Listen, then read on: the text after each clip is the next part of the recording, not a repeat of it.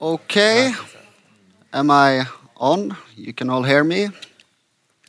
Now it is my great, great pleasure to welcome you all to this fourth and penultimate session or event of the Renaissance of Psychoanalysis series here at the House of Literature in collaboration with the research group in radical philosophy and literature at the University of Bergen.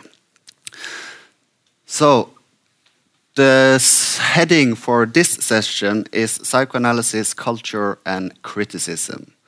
Uh, so we have already discussed psychoanalysis in relation to law, and we have discussed psychoanalysis in relation to politics. So today, now, we turn to culture in a more general, broad sense, perhaps, or to aesthetics, perhaps, or philosophy, or the humanities in some way. Um, now, the relation between psychoanalysis and culture has always been an issue. Freud already, of course, developed a lot of his central concepts in, in close dialogue with different cultural expressions. The most uh, famous is, of course, uh, the Oedipus complex after Sophocles' tragedy on Oedipus the king. But also, Freud has also worked on Moses, on Dostoevsky, on Da Vinci, uh, and so on. He has written on jokes, which is a, sort, a certain kind of cultural expression. And of course, he has his famous Unbehagen in der Kultur, or civilization and its discontents, which then more directly kind of at least is an attempt to intervene into the, the core of the phenomena of culture as such. Uh, in, a hum in the humanities, you have what once was called at least applied psychoanalysis, which perhaps after Jacques Lacan rewrote psychoanalysis in terms of modern linguistics, where the signifier becomes a central concept, where you kind of read literature in and through Lacan. Uh, but perhaps there is also a third way to talk about psychoanalysis and its relevance for the study of culture, for the commentary on culture, and the critique, perhaps, of culture as well. Uh, very briefly, we have already talked, or Henrik Jøker Bjerre at least have mentioned how this relation between inside and outside is problematized in psychoanalysis. That what is the most intimate in me or you as a subject is already or is is already outside us. So my intimate core is not really mine, it's the other within me which defines me at least to some to to the same extent as some some some relation of or concept of a self. Um, also, we have also mentioned briefly that drive is not nature, but rather an excess of culture, or perhaps the failure of culture to ground or found itself. So there is always something which sticks out and kind of doesn't add up there's a paradox at the heart of culture which makes the whole concept of culture somewhat uh, problematic or uncertain. And perhaps the best example there is how the law, the institution of the law, the patriarchal law, and the law against incest and so on is founded on, on a moment of, of crime or on, a, on an unlawful act. So you have this murder of the Urvater which then becomes the basis of the law and of culture, broadly speaking. Which then, of course, is a way of formulating a paradox or a contradiction at the heart of culture. Um, so, what does it mean to read culture with psychoanalysis today, or how to do criticism or critique with psychoanalysis today? I don't know if uh, my panel will answer those questions, but at least I think we will get some, some examples of how psychoanalysis can be used in a meaningful way in, in face of culture. So, today we have we divide the, the today's event in two. So I have a nice first panel here, which will uh, we will continue until uh, 10 past 2, and then we will have half an hour break, and then we'll meet again. But Sten Mortensen, which is a PhD in Russian literature and language at the University of Bergen, writing on Vladimir Sorokin. And then we have Sofia, Marhaug, which is also a PhD at the University of Bergen at uh, well, in comparative literature at the Institute of Linguistic, Literary and Aesthetic Studies, writing on, uh, on uh, Kafka and Law and Desire. Then we have Isabelle, Isabelle Letellier, um, which, has a, which has a PhD from uh, Par Paris 7, Diderot, in uh, critical human sciences and has been affiliated at least with Stockholm University. Clinical. Clinical. Clinical human Yeah. sciences. What did I say? Cri- critical? Critical. Okay. Oh, did I hear? Slip of did the I hear wrong? It's a nice name also, but yeah. it's not bad. Well, at least a PhD in clinical human sciences at Paris 7 Diderot uh, has been affiliated with the Department of Psychology at Stockholm University as well and works or at least have been working a lot with the relation between uh, psychoanalysis and phenomenology and uh, yeah published quite extensively on uh, on Lacan and Merleau-Ponty, among other things. And last but not least, Kjell Solheim, which is uh, emeritus in philosophy from the University of Bergen. Uh, has a long, long uh, uh, relationship with Lacanian theory. Um, also an expert on uh, Descartes and the Cartesian philosophy. Um, yes. So I think we'll just start. The plan is that we'll have uh, 20 minutes uh, presentations and then 10 minutes of uh, at least the possibility to ask questions, both from the panel but also from uh, the public. So Sten, I'll give the word to you. Thank you. So, of course, Dostoevsky uh, has been um, a recurring figure in Freud's thought, but um, I will not be talking about his Dostoevsky essay today, uh, which he wrote unwillingly, um, but I'll do my own Dostoevsky reading um, and see how Freud might have been influenced uh, by Dostoevsky in various ways. Um, now, Sigmund Freud has long been a darling of at least some literary scholars. One reason is his uh, attunement to the arts. Um, in the literature of Sophocles, Shakespeare, and Dostoevsky, Freud found a will and a means to grapple uh, with the unconscious drives that seem to predicate human behavior.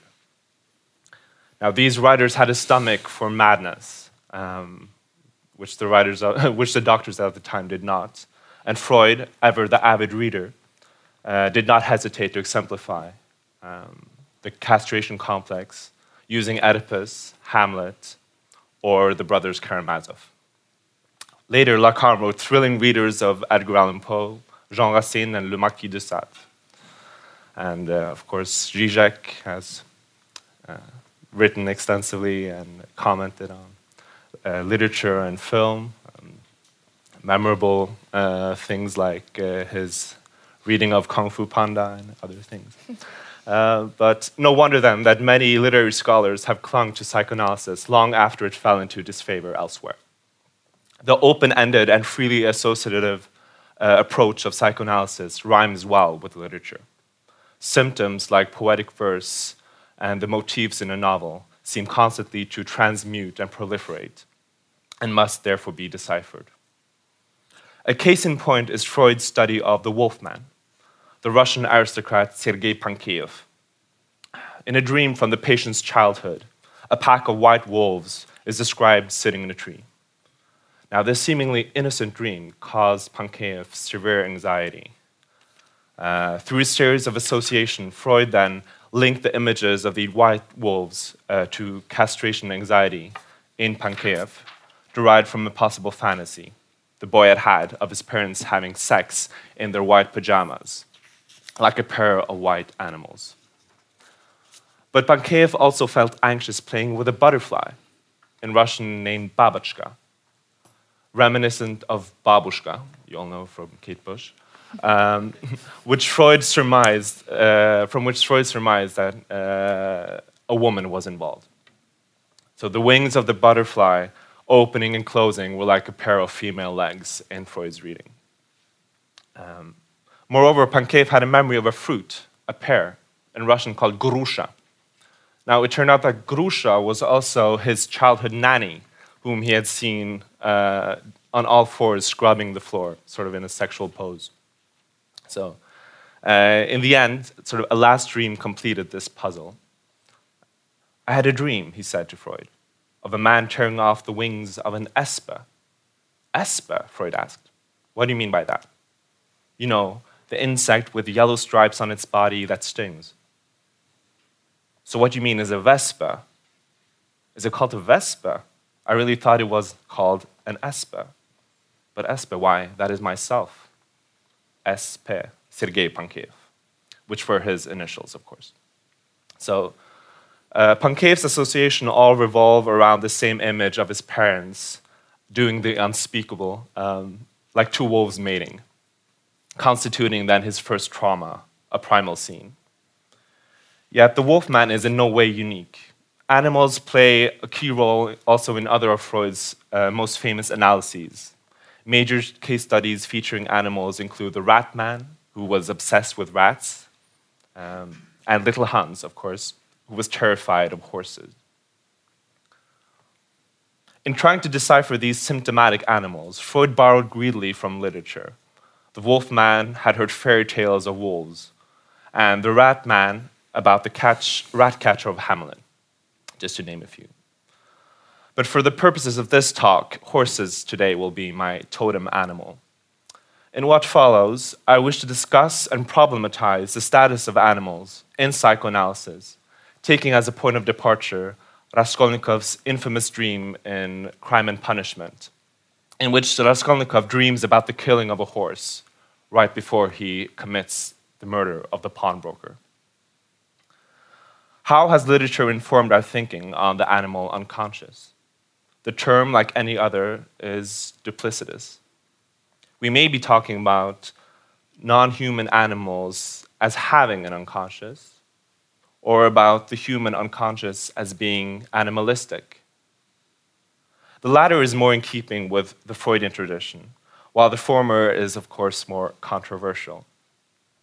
In his essay, The Ego and the Id, Freud notes that in its relation to the id, the ego is like a man on horseback who has to hold in check the superior strength of the horse.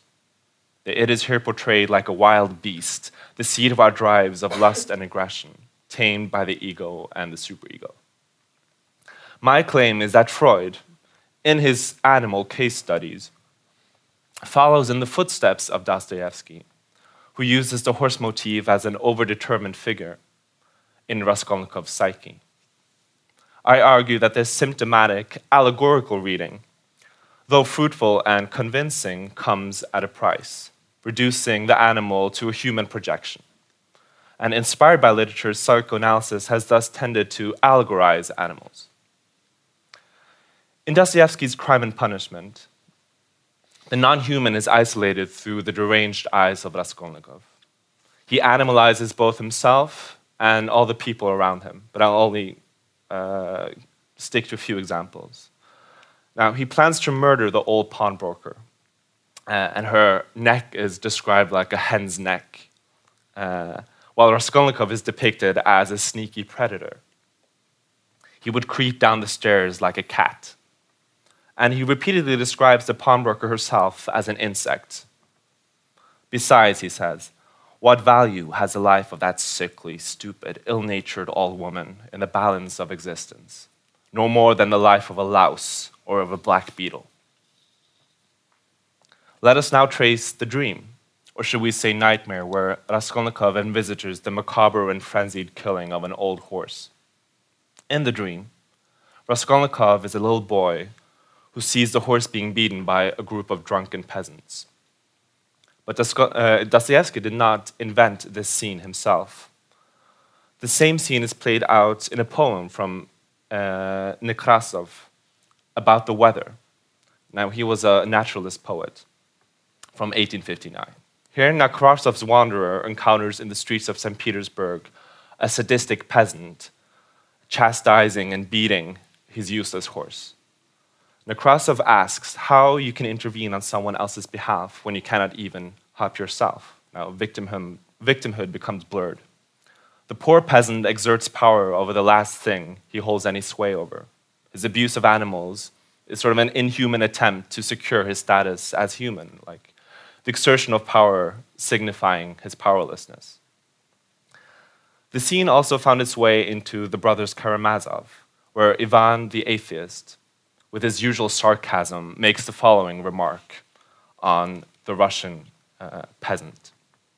Our, that is the Russian, historical pastime is the immediate satisfaction of a good thrashing, Ivan says. There are lines in Nekrasov describing how a peasant lashes a horse on the eyes. The peasant beats it, beats it savagely, beats it in the end not knowing what he's doing in the intoxication of violence, thrashes it hard over and over again. The frantic beast tugs and draws the load, trembling all over, gasping for breath, moving sideways with a sort of unnatural, spasmodic action. It's awful in Nekrasov.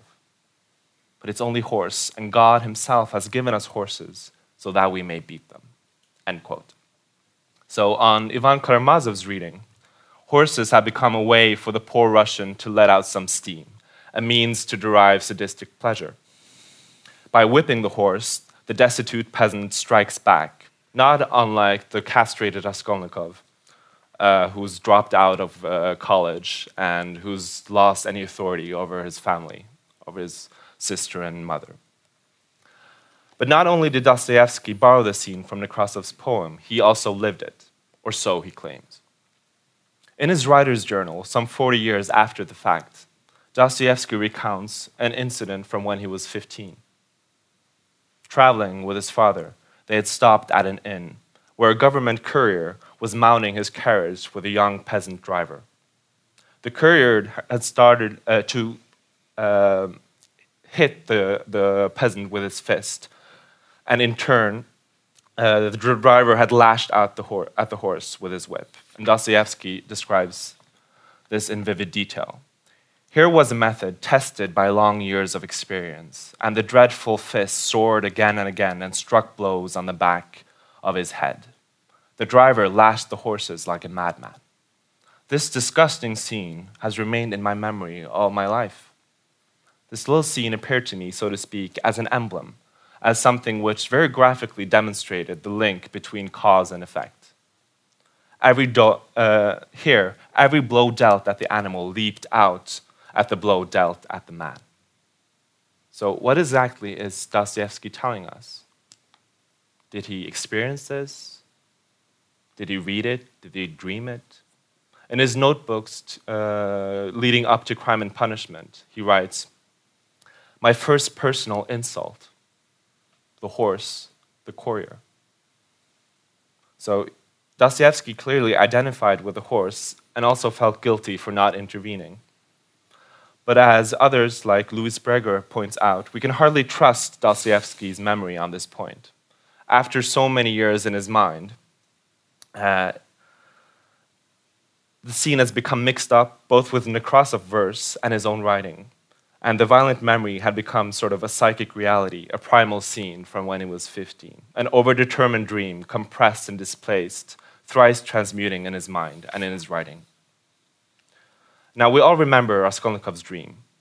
Like Dostoevsky's own, it was based on a childhood memory in the novel. He's a seven year old boy walking with his father, and they stumble upon a festivity where the townfolk have all gathered. Outside the tavern, there's a big wagon, in front of which stands an old and emaciated mare. Out comes the owner, Mikolka, with his entourage of wasted peasants. The owner insists on driving them, the men laugh and mount the wagon, which the horse obviously is unable to move. The drunk owner becomes livid, screams, and starts whipping the horse, making everyone partake. So, like a frantic Bacchic procession, uh, the crowd beats the helpless horse with anything they can find whips, sticks, iron shafts.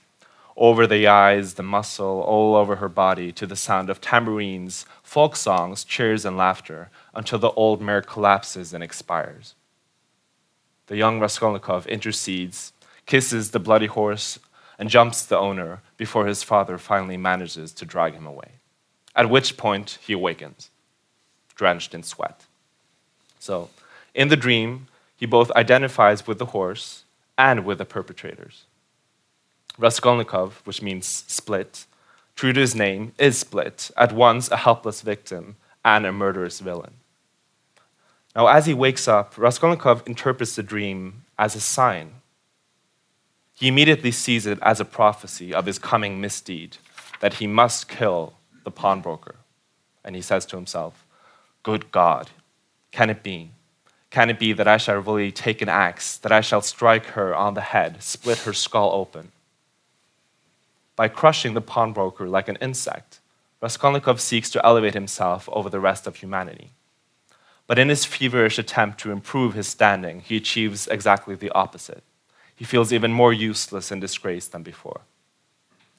The monstrous transgression never turns him into Napoleon. Oh, I am an aesthetic louse, he says, and nothing more. And what shows that I am utterly a louse is that I am perhaps viler and more loathsome than the louse I killed. So, what then do Dostoevsky's Raskolnikov, Raskolnikov and Freud's patients have in common? Well, we recall Freud's menagerie of symptoms, including the rat, the wolf, and the horse. What do these symptomatic animals betoken? Well, Freud portrays them as compromise formations as our shameful shadows.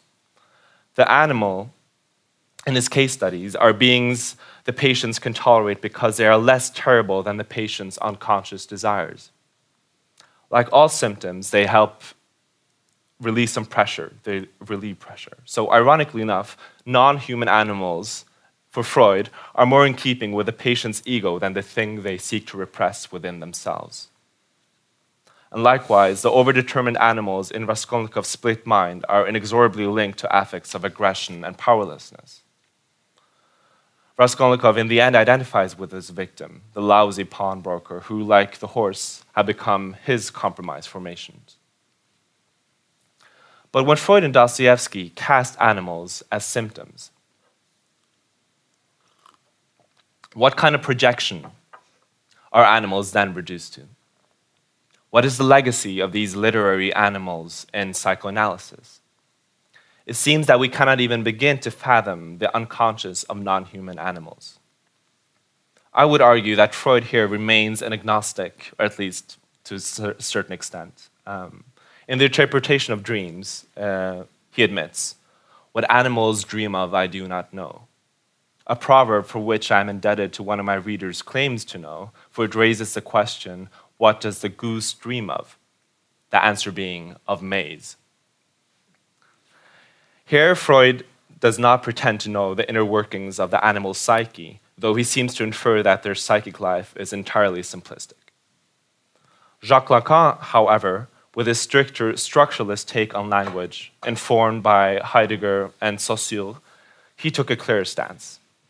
Lacan declares that non human animals have parole but not langue, in other words, they speak but are not inscribed into a language system, which in human gives rise to the unconscious and structures it. Lacan therefore asserts that non human animals lack the lack. They have not been marked by the symbolic castration, inscribed into the symbolic order by means of the names and the no of the Father. Lacan claims a number of things then about animals. Since they do not partake in the symbolic order, animals, first of all, are consigned to the imaginary. They also cannot respond symbolically, he claims. And unlike humans, animals cannot erase their tracks. And fourthly, animals cannot pretend to pretend or feign to feign. So these are his claims. Um, I don't have time to go into each of them, but uh, Jacques Derrida, among others, has attacked these assertions made by Lacan, ch- uh, charging him of lumping all animals into a single category with no thought for the vast differences between species. And already in 1871, in The Descent of Man, Darwin argues that the intellectual difference between humans and so called higher animals is one of degree and not of kind. Modern research on elephants, dolphins, and primates points in the same direction. But Derrida raises doubts not only about Lacan's basis and motivation for depriving animals of these traits, even if it's deprivation. He also questions whether or not we as humans are in a position to perform all of these wondrous acts ourselves, such as erasing our tracks or pretending to pretend. To add to Derrida's criticism, I would argue that there is a certain uh, there are certain epistemological problems with this line of reasoning. Lacan takes for granted that we as humans have unfettered access to non human animal communication and that we uh, are readily, are readily uh, able to decipher and analyze their behavior accurately and in an exhaustive manner. Second, Lacan takes for granted that non human animals have no culture, that they do not enforce cultural norms to structure their interaction. Now, the real answer is, of course, that we do not know because we cannot know. We stand before an epistemological abyss where one species is barred from fully knowing how the world appears to another species. Or to quote Wittgenstein, if a lion could speak, we could not understand him. Like Dostoevsky's Raskolnikov, Freud and Lacan then, I think, seem to elevate humans uh, with fantasies about the potency of our abilities. Did God give us horses to make sense of the anxieties of little Hans or to explain Raskolnikov's murder? I don't often uh, say this coming from literary studies, but in, on this issue, literature has had a bad influence, reducing non human animals to mere symbols of the human condition.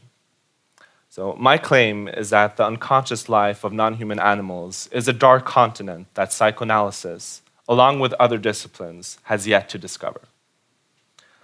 And if we are to talk about the renaissance of psychoanalysis, well, then I think we must also revisit and rethink the question of the animal within this tradition.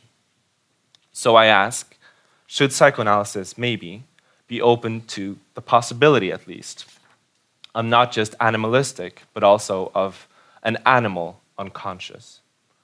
Or does the goose really only dream about maize?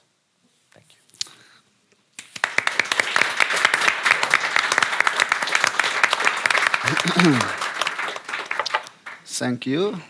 It was uh, perfectly timed as well.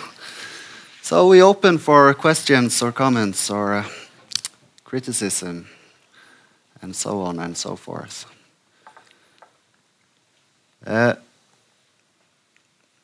if nobody is kind of burning with desire to ask one, I, I can ask one. If perhaps you could say something more about because you mentioned that uh, psychoanalysis performs an allegorization of animals, or that the animals are allegorized in psychoanalytic uh, theory. Um, but, well, how does this process of allegorization or the concept of the allegory could you say something about what an allegory is and how it distinguishes itself from, I don't know, other kind of signs or other other significant uh, or signifying I mean, an allegory is an image or an idea that that exemplifies something bigger, like uh, an historical moment or uh, a, a, larger concept. So suddenly, the the wolf is then a sign of human lust and aggression instead of being uh, a being in its own right. Um, and I think that in drawing on literature, psychoanalysis has then been tempted to do one of these uh, these uh, um, pretty reductive readings of animals, and you see them. Of course, I mean, it might be true that uh, the Rat Man was influenced by these stories, and that rats really did become allegories in his mind. but I think just to stop there then and always reduce animals as you know just uh, a function in our mind and not as uh, living beings in, with their own right and i think uh, there's a long tradition i mean lacan has been uh, greatly um, criticized philosophically i mean on this point but uh, today i just wanted to show that okay there's also another avenue that we can pursue, and that's uh, and that's literature because I, that's how, uh, that's also been sort of a way to allegorize animals um, in literature. Yeah. yeah. So we have uh, two questions. We Håvard first, and at the back row. But uh, do we have a microphone we can pass around? Is it up and running? Or you can just speak loud. Yeah, I'm not sure if it works, but uh, we can try. Does it work? Yeah. Thank you for a very interesting uh, lecture. Uh, it was really enjoyable and I, I uh, really easy to, to follow and, and uh, full of um, exciting associations along the way. Um, I, I, I really um, very much like Freud's essay on Dostoevsky. It's, uh, it's, uh, I think it's, it's very short, but it's so full of humor, and it's one of his. It's a little piece of writing that shows him at his best, I think. And um, I was just wondering, it's uh, yesterday we discussed psychoanalysis and politics, mm. And I think that Freud's essay on Dostoevsky is one of the uh, clearest examples of uh, uh, an essay where he says something about politics.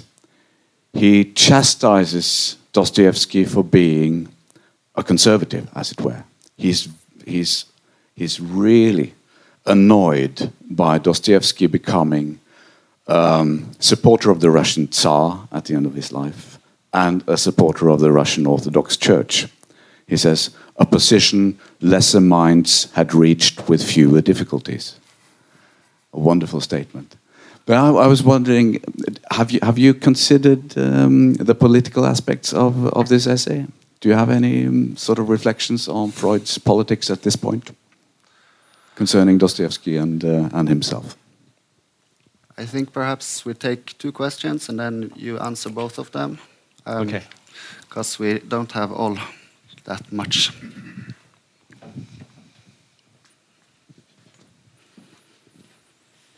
Um, thank you very much. I thought it was a very interesting paper. Um, I'm going to maybe try to be the advocate's, de the devil's advocate here. Um, one thing I think is that both Freud and Lacan, I don't think this is working. No, it works. It is? Oh yeah, I think they they're mostly thinking about um, not always, but in the cases you mentioned, they're thinking about the patients they're talking to, the analysts. And I think they're taking the animals as an other, both Freud and Lacan, even if it's Lacan, the one who uses other with a little a mm. uh, in that um, cross he draws, the Z uh, figure. Um, so, yes, they use animals in this way, but um, just as we do when we dream, we would use other beings as other women or men or so animals become just one of those little A's in the series. It's not animal because it is an animal. We're using the animal in this way, but we would use another woman, another any other being just to um, the unconscious would use this to um, give a glimpse of that desire that is repressed. And um, if we think about politics um, and Freud, it's also uh, something that um, could be used in the same way. When Freud talks about narcissism of small differences, and he uses the what Lacan would call the A and the A plus, the other again, and how um, do we use other beings to um, achieve something else through them. Um, is it understandable what I'm trying to say? I think, yes, they use animals, but they also use anything else. Uh, just like the unconscious desire would use any other symbol to No, give a but I- glimpse. I, entirely agree. Yeah, existence. yeah. So that's not what what uh, what I'm. it's a reflection. I mean, I'm not. yeah, no, no, but I agree, and I think it's perfectly fine to see, you know, them as uh, figments of imagination and fantasy. And of course, we do al- allegorize anything in our lives, anything uh, that's part of our imaginary. That's not what I'm saying. I'm saying that also uh, that th- this comes at a price. That you know, if we're immersed in this fantasy all the time, we're unable to see something else as truly different we're unable to see them as you know uh, that there might be I don't know personhood or anything to that extent in animals. And when Lacan especially makes all of these pretty rash conclusions with on a pretty doubtful basis. I mean, he did look to the ethology of the time and so on. Uh, uh, he, he's not speaking in a vacuum, right? I'm just trying to say that there's a long tradition also raging back to Dostoevsky and before that have informed these ideas in psychoanalysis. So I'm just trying to point on a genealogy and sort of a, a root at the problem.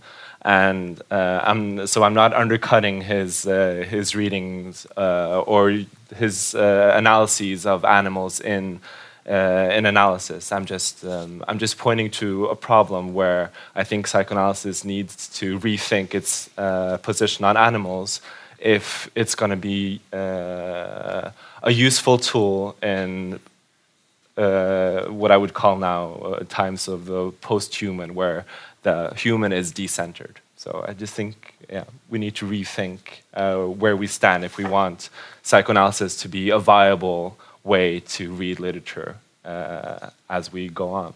Uh, when it comes to uh, his criticism, I I mean, that going passing through so that he, he said that uh, it's weird that Dostoevsky changed uh, his position having gone through so little. I mean, that, that I think that's a horrible reading. Uh, and uh, I was discussing this with uh, with Sophia uh, the other day, um, and. You know, Freud, he unwillingly wrote his Dostoevsky essay. He did it as a, as a favor to a friend. Uh, and he didn't really want to write it. He was sort of pushed to do it. Um, uh, and I, I disagree because I, I think that uh, his uh, Slavophile turn, I mean, that was after a mock execution, and he was then sent to Siberia. So I think he went through quite a lot and suffered quite horribly. I mean, he was first a revolutionary, then he was sentenced to death, and they let him stand out in the cold, and he thought he was going to be shot. Uh, and I think I would even maybe become religious, or if I'd survived something like that. Um, now, of course, he was a, a demagogue uh, towards the end, and I agree with Freud that um, uh, he uh, he was in a position to think more broadly at that point. Um, but he did go through some horrible trials uh, personally. But it is perhaps more interesting politically than literally. I agree. yeah, I agree. more- It's more interesting as a historical document than uh, as a reading of Dostoevsky's literature. I think we have to stop there, uh, but uh, the discussion can, of course, continue. But then after Sophia has held her presentation, Give me. yeah. uh, I could always inform you of the title of Sten's talk, which I didn't. Dostoevsky's Dream and the Animal Unconscious, and Sophia will talk about the swamp, ro swamp romance between Kafka and psychoanalysis. Okay. Yeah. Mm, Yes, and that's uh, the title is the reason why I've included this um, uh, uh, image uh, by an artist called uh, Pepperstein from last year because he calls Kafka, Mr. Kafka, the Lord of Swamp. So I thought that would be a nice picture uh, in the background when talking about this uh, swamp romance between Kafka and psychoanalysis. In Kafka, as well as in many other authorships, uh, we find an inherent version against psychoanalysis.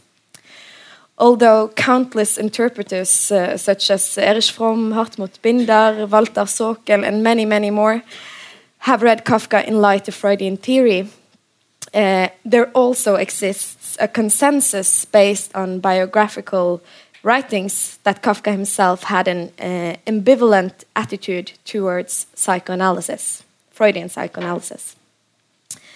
Living in the same time and era in the Austro Hungarian Empire in the late 19th and early 20th century, Kafka, of course, did mention Freud. His perhaps most uh, obvious flirtation with psychoanalysis is found in his diary entry dated on September 23, 1912. After writing the short story The Judgment, in one sitting uh, the night before the 23rd, Kafka sums up what he supposedly uh, was uh, what supposedly was on his mind uh, throughout the writing session, where he also makes the following remark: "Thoughts of Freud naturally."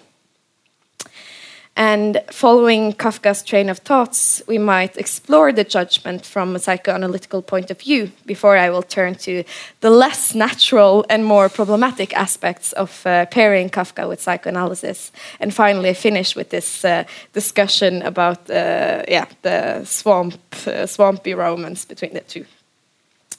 So you might uh, remember uh, Kafka's short story. It tells of Georg Bendemann, who has just finished a letter to a friend, a businessman living in St. Petersburg.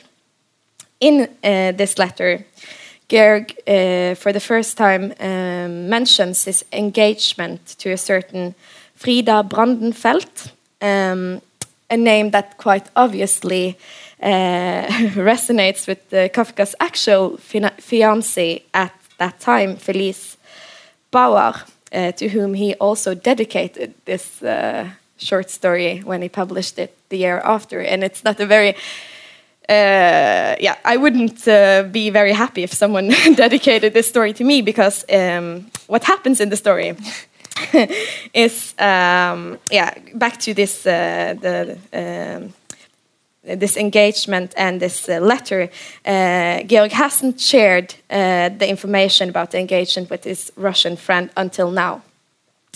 Perhaps this can be seen as a way of holding back, uh, holding on to a homosocial identification between uh, Georg and his friend, uh, as his friend is described as a permanent bachelor.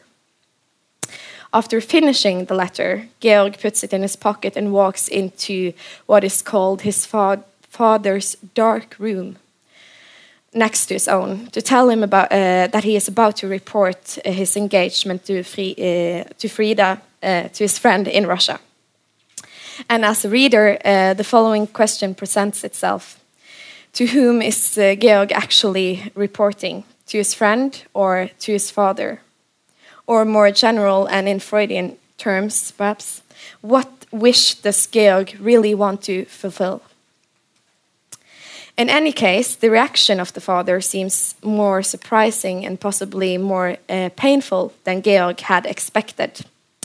At first, uh, the father insists that this friend in St. Petersburg does not uh, exist at all, before turning the whole, the whole ordeal on its head, claiming that the Russian friend does in fact exist and that he, is, uh, that he himself has a closer and much more intimate relation to this friend than he has to Georg. The father even adds that the friend would be, quote, a son of my own heart. Then the conversation stops and the final judgment is passed. The father sentences his son to death by drowning, whereupon Georg uh, runs out of the room, uh, out on the street, and jumps uh, into the river to die. And for anyone with a remote interest in psychoanalysis, uh, this father son relationship is quite striking. Uh, consciously or unconsciously, uh, Georg apparently wants to communicate, communicate something to his father and uses uh, a letter addressed to someone else as a means uh, to convey his message. Yes, and here you can see uh, Kafka's father and his mother, uh, and uh, Julia Kafka. Uh, because the letter motif also brings to mind Kafka's uh, famous letter uh, to father, written four years later to Kafka's actual father, but Kafka didn't give it to, directly to his father; he gave it to his mother. So we're not sure if it ever. Uh, if he ever received it, but it is, as a reader, it increases the tension one is tempted to read into the troublesome relationship between father and son. But while uh, letter to father, uh, first and foremost, uh, blames his father for the unbearable situation at hand, in what uh, Gilles Deleuze and Felix Guattari has called an exaggerated or even perverted Oedipus, with an extreme accusation towards the father. The judgment does something else. Here, the father is the one to judge his own son, and not the other way around. Uh, Walter Sokel uh, identifies this as a Freudian dream mechanism, as a way of turning Georg's wish to kill his father into a different and opposing form as a compromised wish fulfillment. Uh, the killing of the son rather than the killing of the father might also resonate, resonate with a motive from the famous Italian author and director Pier Paolo Pasolini, and here's an image from his um, uh, adaptation of Oedipus uh, Rex. Um, but that's not the one. so he's obviously interested in uh, the Oedipus complex, uh, Pasolini as well. But the, uh, the tragedy I have in mind is uh, Affabulazione, which was uh, set up in 1975 uh, for, uh, for the theater, where the following political and psychological statement is being made towards the end of the play. Quote, the fathers want to cause their sons death. that's why they send them to war. So my claim is that in both Kafka and Pasolini, we find a way not only of exaggerating the Oedipus complex, complex but also a very direct way to invert the mechanism as such.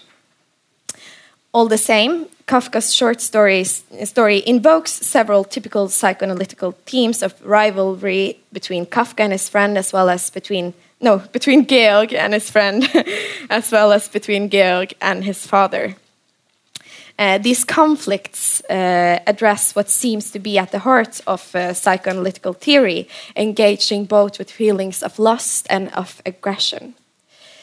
Uh, in this regard, the judgment resonates with a remark from uh, Sokel's reading, where he writes that Kafka is the Dante of Freudian age, uh, meaning that he is the poet who articulates uh, the scholastic philosophy of his time and thereby making both Freud and Kafka the protagonist of the 20th century.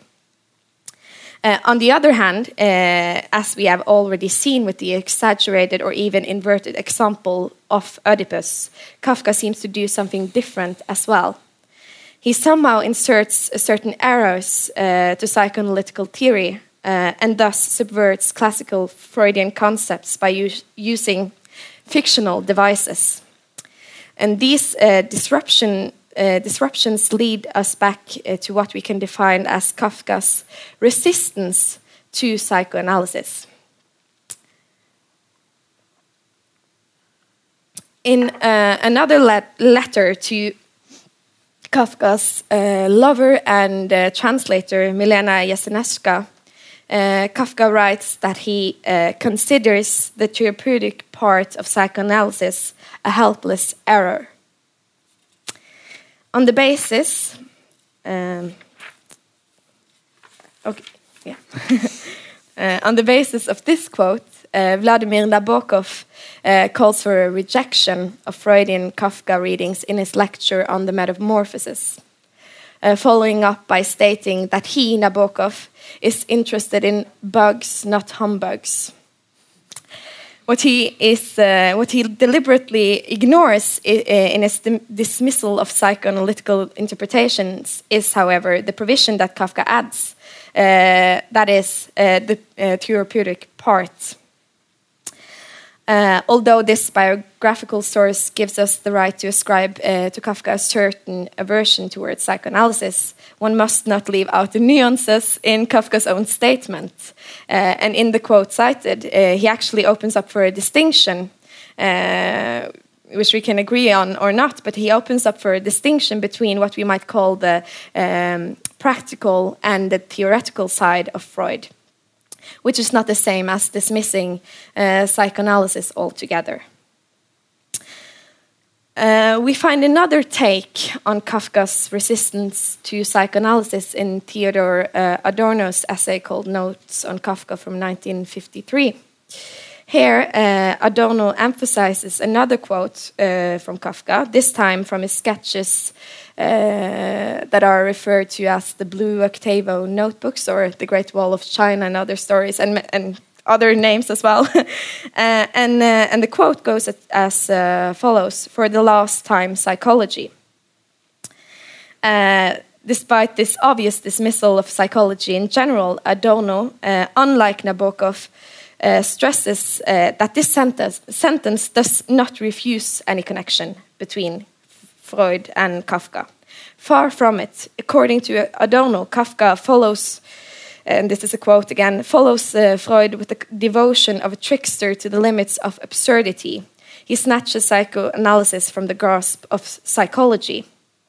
Similar to Deleuze and Guattari, Adorno thereby highlights Kafka's tendency to exaggerate Freudian theory. And what seems to be at stake in Adorno's essay is uh, Kafka's way of challenging uh, conventions within psychoanalysis by the means of psychoanalytical theory itself. According to Adorno, uh, Kafka's fiction tears down our world's uh, repressive facade in what he calls a montage composed of waste products. What would uh, otherwise be repressed comes to the fore in the world of Kafka. Adorno also uh, argues that Kafka demolishes the subject that we find in psychology in general and also in, in the Freudian concept of the ego. Uh, instead, uh, the flight through man and beyond into the non-human is constituted uh, is constituted in Kafka's epic course. Uh, yeah. this is uh, yeah, my papers uh, are just a mess, but that's fine. uh, Adorno's descriptions of Kafka's epic as a montage of waste products, as well as a flight through man and beyond into uh, the non-human, resonate well with Walter Benjamin's important Kafka essay, written, uh, published almost uh, 20 years earlier, namely Franz Kafka, on the 10th anniversary of his death and I'm sure, sure you've already guessed that Benjamin's text is the inspiration for the title of my own presentation, uh, since he is the one to launch the idea of uh, Kafka's fiction as a swamp world. So, what does Benjamin write about Kafka? I am not going to give any thorough answer to this question today, but hopefully I will touch upon some aspects that are relevant to the title of my presentation. In a word, how does uh, Kafka's swamp world relate to psychoanalytical theory? Uh, Benjamin is uh, generally critical of uh, psychoanalytical interpretations of Kafka. Along with theological uh, readings of Kafka, he sees the psychoanalytical approach as a possible fallacy. fallacy. Instead, Benjamin underlines Kafka's uniqueness by, uh, in depicting the world in terms of cosmic epochs. Uh, and by this term, I think uh, he means to say that in his fiction, uh, Kafka enables uh, archaic motives to step into the foreground. The distant past thus coincides with modern times uh, and works very much the, uh, along the lines of Benjamin's own philosophical thinking uh, about history. Uh, according to Benjamin, uh, and uh, Ariel was talking about this yesterday. Um, according to Benjamin, history is never simply a, a story of progress, although this appears to be the hegemonic way to present human development. The problem of conceiving of history uh, in such an enlightened manner uh, is that this very conception makes us blind uh, to both the catastrophes uh, and the missed out opportunities of the past. Uh, I believe that we must interpret uh, Benjamin's descriptions, description of the swamp like quality of Kafka in light of these insights. A swamp may preserve and store objects from the past and by keep, keeping them almost intact, completely intact. Uh, in the prose of Kafka, we dig into just such a swamp. He lets us swim slowly around in his dirty world of lost object and missed opportunities. And how, again, how does this swampy state relate to psychoanalytical thinking? Um, Benjamin, uh, yeah, here's two quotes. I, I, I, will begin with the first one. Benjamin um, connects the swampy elements to a certain stage of prehistoric times. Uh, his novels are set in a swamp world. In, this, uh, in his works, created things appear at a stage uh, which Bachofen has termed as uh, the hetaeric stage. The fact uh, that it is now forgotten does not mean that it does not extend into the present. And this quote sums up the point uh, about Kafka's relation to history following Benjamin, but it also connects Kafka's fiction to a certain anthropological conception. The mentioned Bachofen, you he's also uh, referred to in uh, Friedrich Engels' uh, The Origin of the Family uh, and so on. Uh, and he's famous for his radical discoveries. Perhaps they, they're not seen as scientific today, but he's famous for his radical discoveries on family structures at different times and in different spaces, including heterism as a way of organizing sexuality in which neither the women nor their children belong to any one man. Benjamin implies that the female characters in uh, Kafka's novels, Leni and Frida, the love objects of uh, Josef K and K, belong to this uh, stage. It is a quote, a new quote, uh, not on the, on, on the screen. Uh, it is from this swampy soil of such experiences that Kafka's female characters rise. And furthermore, he points to the webbed skin in between. Um, Leni's fingers uh, like an animal living in the swamp.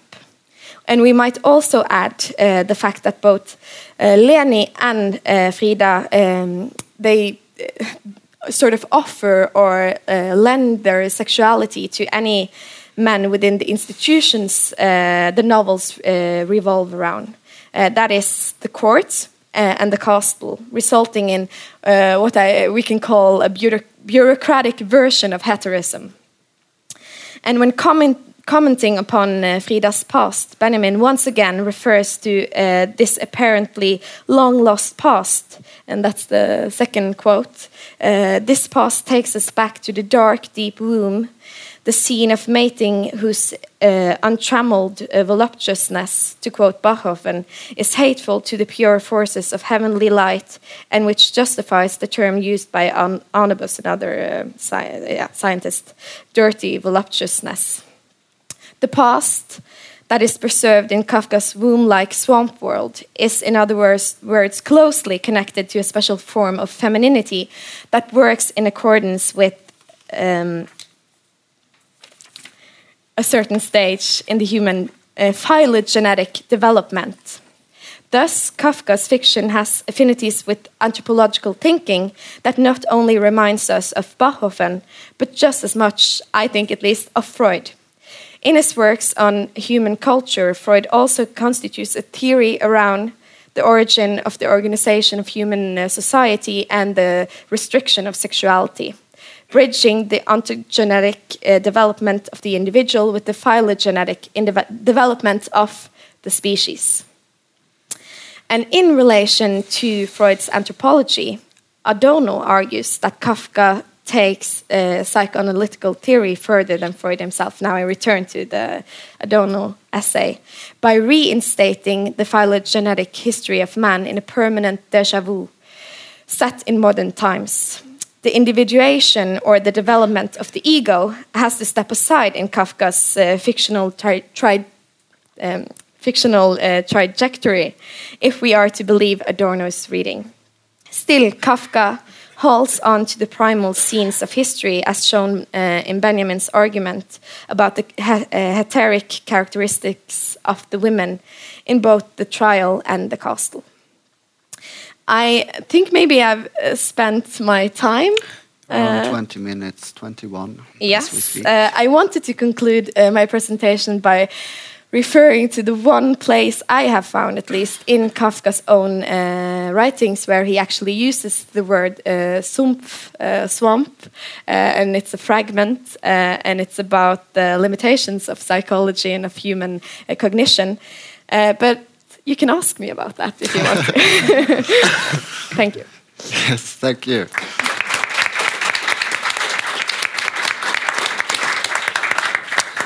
So, does anybody want to ask Sophia about the one place where, Or something else. or something else? Well, then I guess we could al always ask if you want to say something briefly about the swamp. Uh, yes, then I can. Uh, no, uh, this is the beginning of the fragment, at least, um, where Kafka writes that one has to pull. Pull oneself out of the swamp by one's own hair, and the context is the question of thinking something unconsoling, or rather something uh, unconsoling without a breath of consolation, uh, which is a typical Kafka question. Uh, and it has to do uh, with the problems of terrestrial limitations. Uh, and, this is the, the last part of the quote. Uh, and um, uh, psychology is mentioned in this regard because the tools of uh, this particular discipline are those of human uh, description, which are not sufficient because they uh, do not enable us to think beyond our own anthropomorphic selves. So he even used the word anthropomorphism. Uh, so human condition is instead bound to material earthly experiences uh, understood as a swamp world. So it's uh, slightly more negative than Benjamin's uh, way of thinking the swamp, but still it's uh, um, yeah, it's it's uh, yeah. That's uh, I, yeah what I wanted to say. Uh, that this uh, also has some limitations to it. To it, the swampy uh, anthropomorphic world. Yeah. Other questions or comments?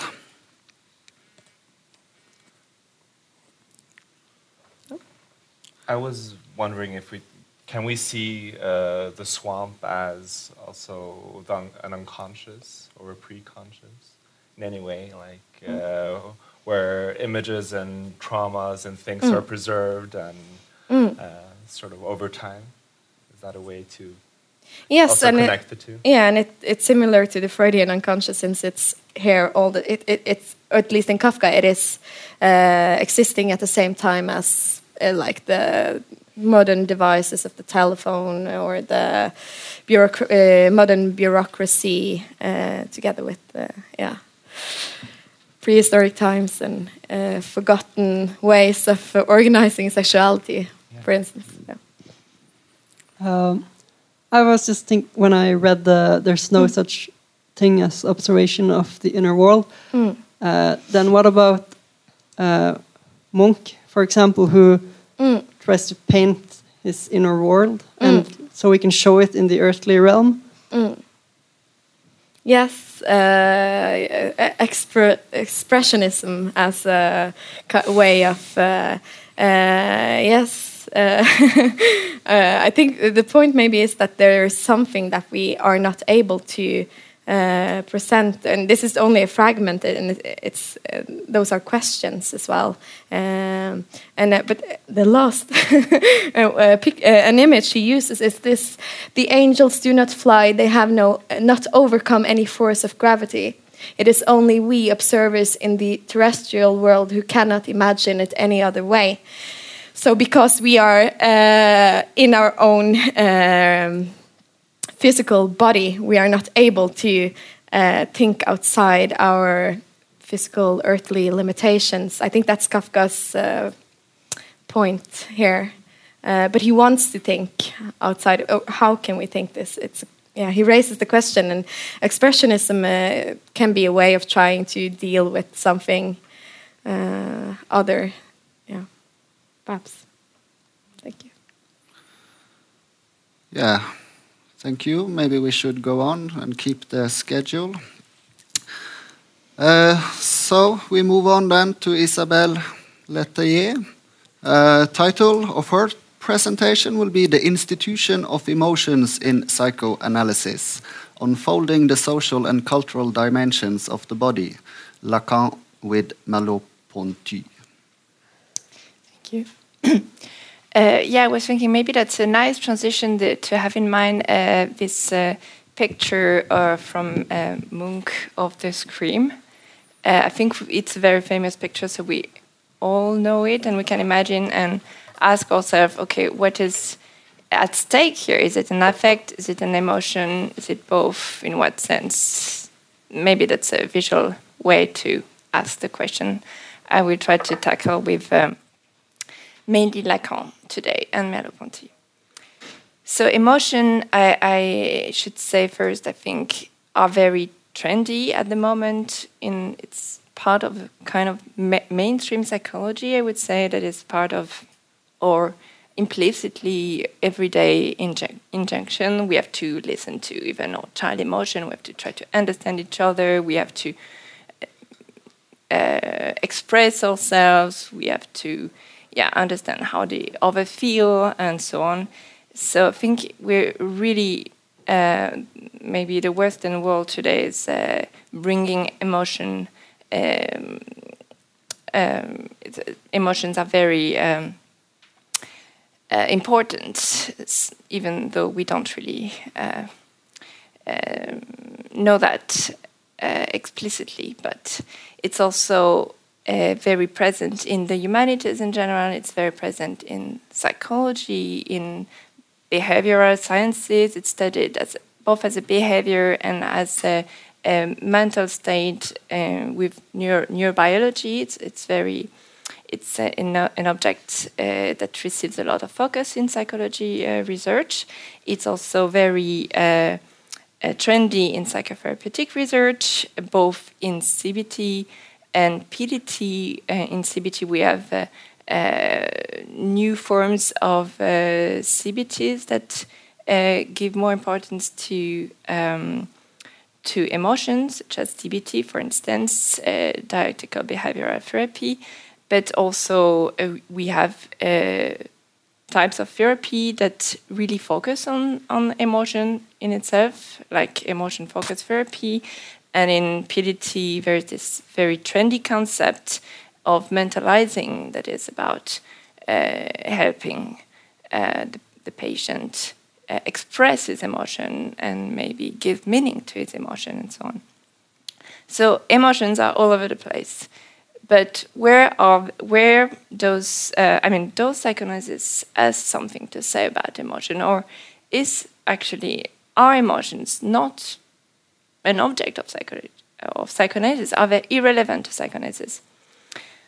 Uh, actually, uh, the thing is that if we look into the history of psychoanalysis, we can see that emotions are not very much uh, thematized. Actually, they're, they're, they're not very present.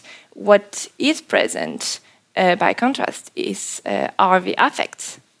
Uh, we have famous psychoanalysts like André Green, for instance, in France. That's just an example who has thematized the affect. And very recently, we even have uh, Colette Soler who claim that we can actually talk about the Lacanian affects. So affects seem to be an, a psychoanalytical object, but emotions are not present. Is there a reason for that? And can we actually talk about emotion from a psychoanalytical perspective? of course, my claim in this short presentation is that yes, uh, and it, it is even that if we only talk about affect, we actually miss something that is very important, and it is the embodiment part of what we feel. And I think that it's very important to talk about that because if we uh, miss this part, we kind of miss also the social cultural dimension of what we feel.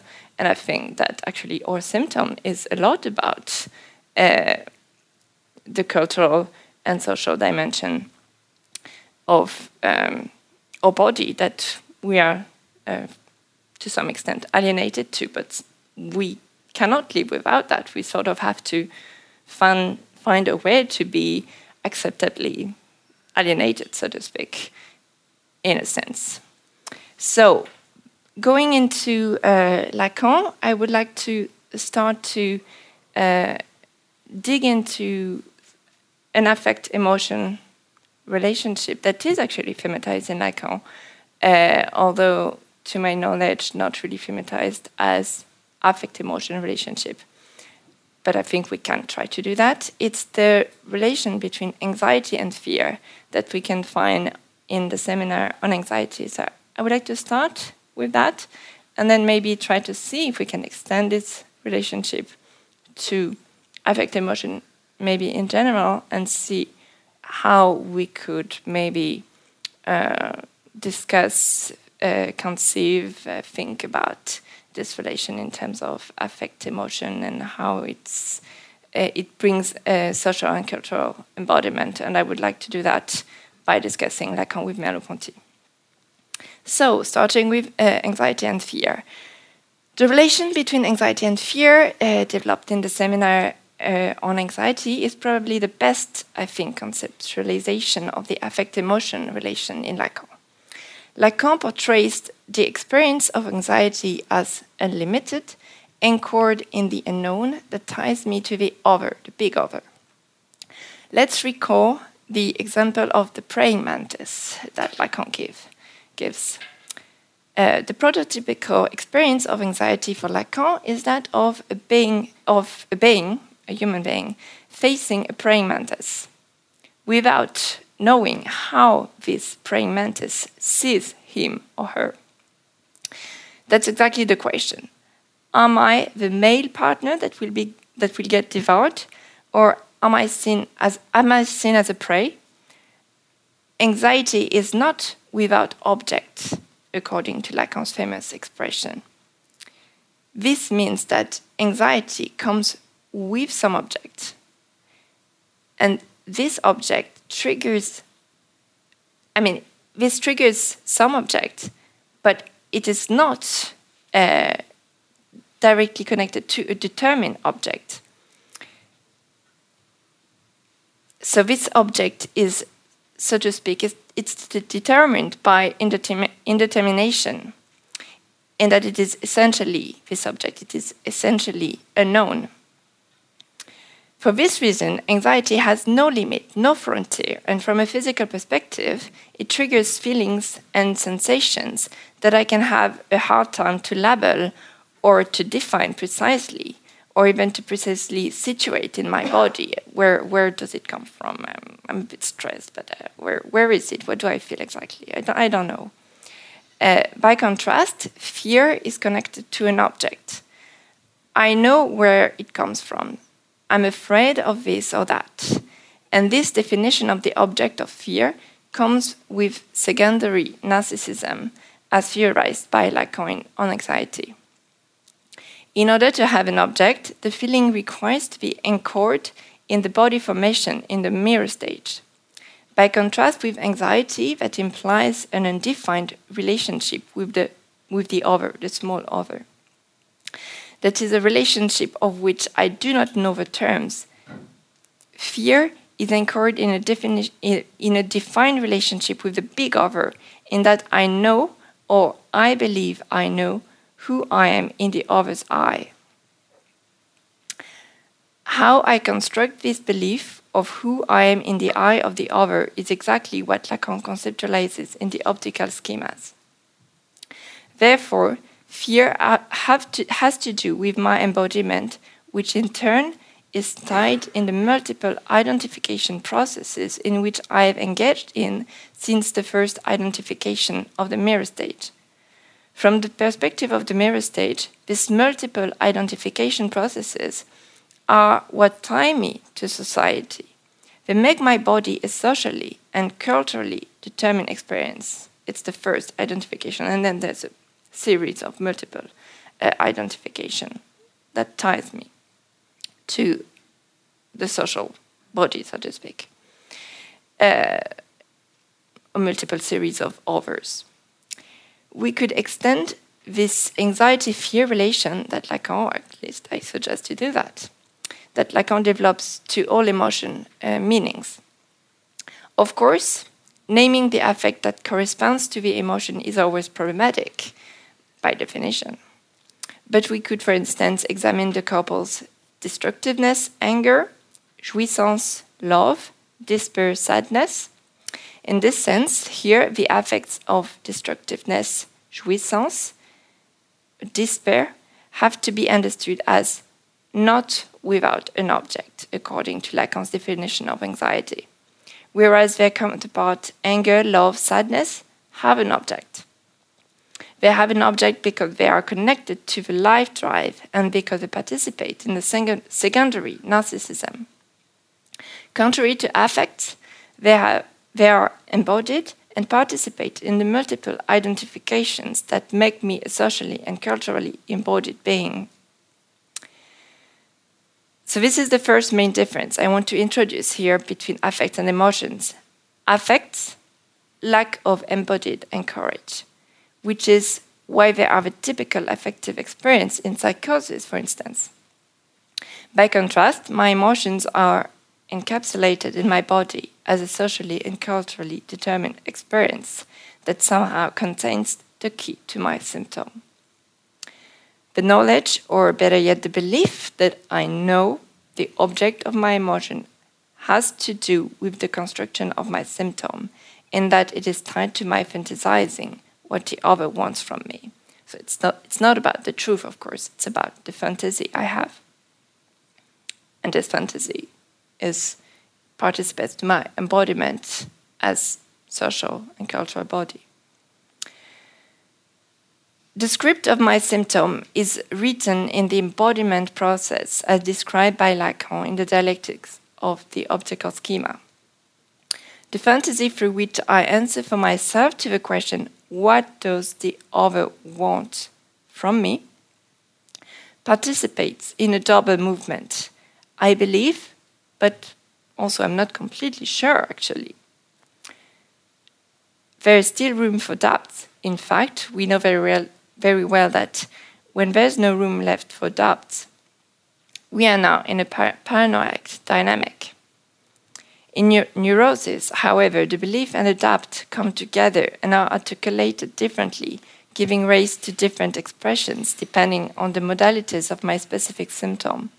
In other words, there is some belief, the script of my symptom, together with some unknown, which somehow reinforces the need to rely on the belief, because the script of my symptom aims at building somehow a shield, a screen that protects me against the frightening yet inevitable unknown dimension of the I over relationship.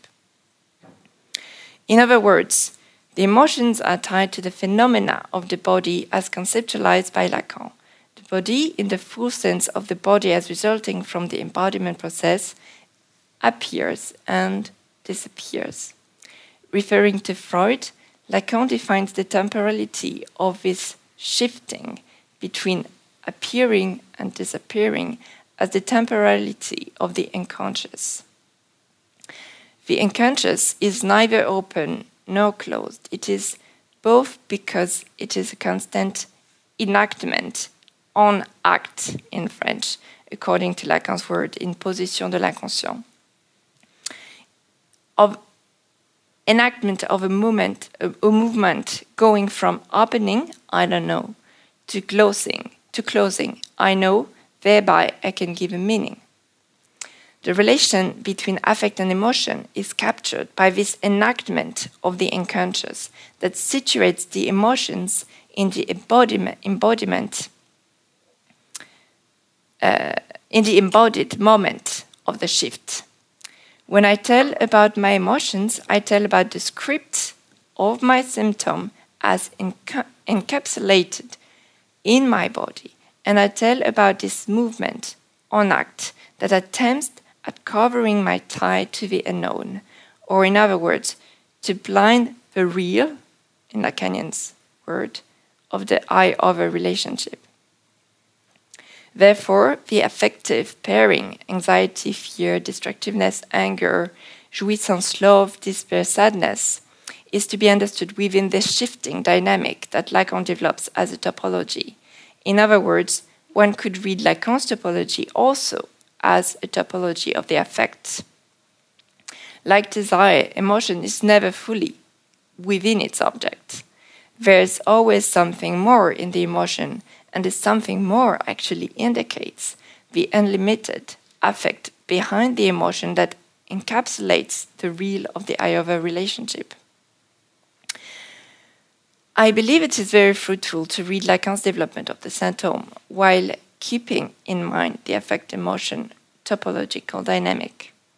Although Lacan explains that the, the symptom is what enacts the body, he never develops the bodily aspect of the symptom. Of course, we understand that the body is made of the intertwining of the imaginary, the symbolic, and the real. We understand that the body is a knot that ties me to the, the big other, giving rise to my symptom. But, at least in a quick reading, this body defined as symptom does not seem to feel and does not seem to perceive. However, Lacan expresses very clearly that the loosening of the symptom is what gives rise to experiences that detach us from our body, experience of the embodied affect, so to speak, that is psychotic or near to psychotic experiences. When the symptom gets loose, the real bounce, in, in Lacan's word. Uh, by contrast, the symptom is what ties my affective experience to the fully constituted body in a sense of the secondary narcissism.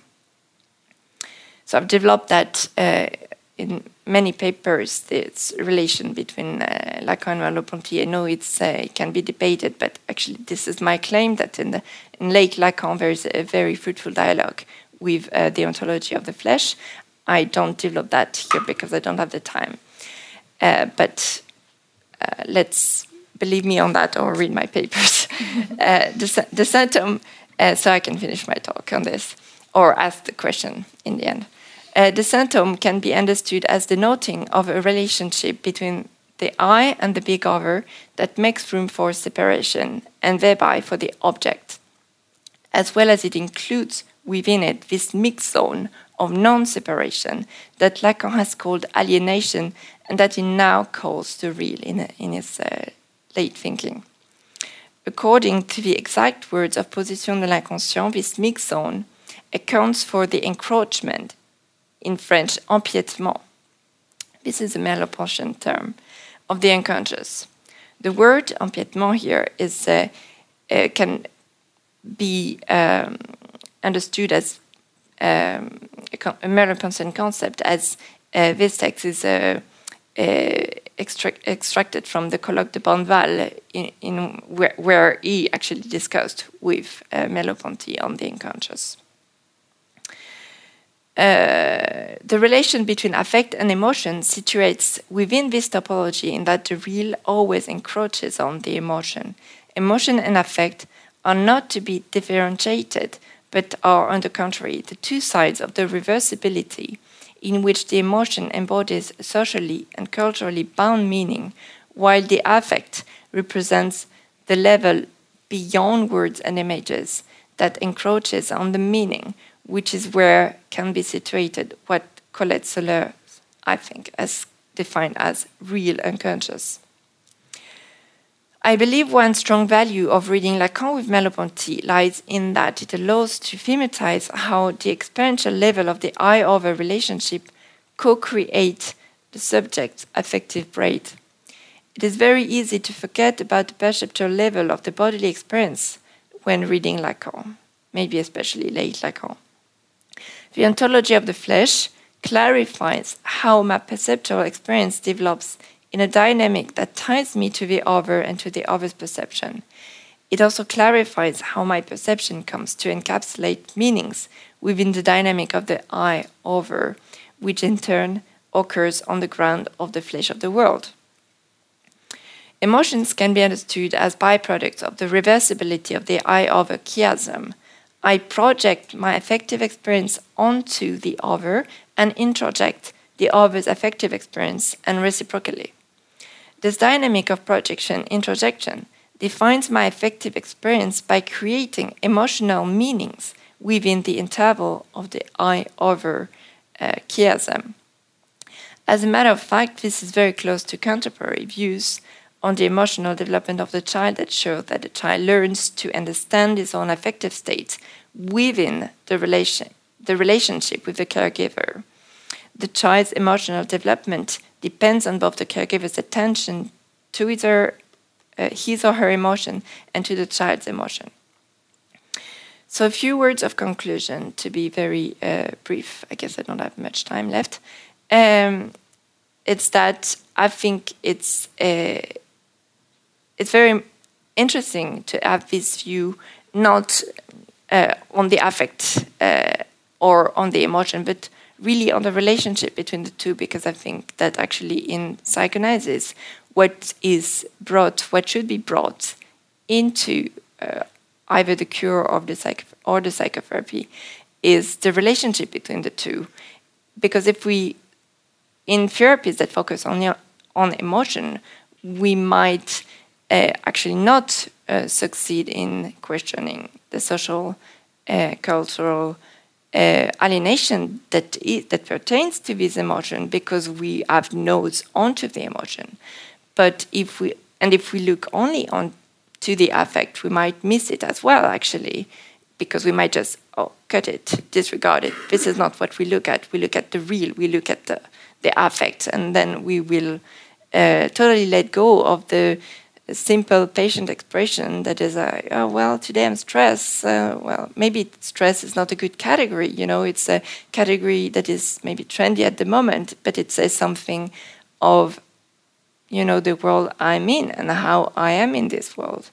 Uh, to take a very um, uh, simple example, uh, and I think that it could also be useful to understand symptom like for instance, if we look at melancholia or depression, it's very it's a, a coming and going question when we have a depressed patient. What is the object? Is there an object?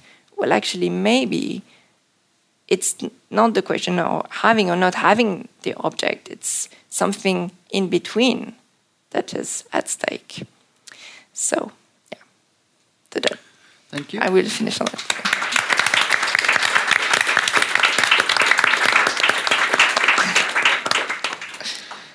So we open for questions and comments again.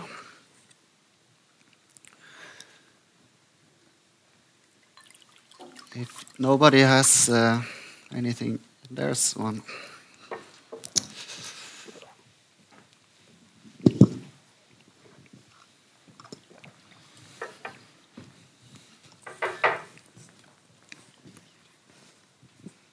Thank you very interesting the comparison between Lacan and Merleau-Ponty.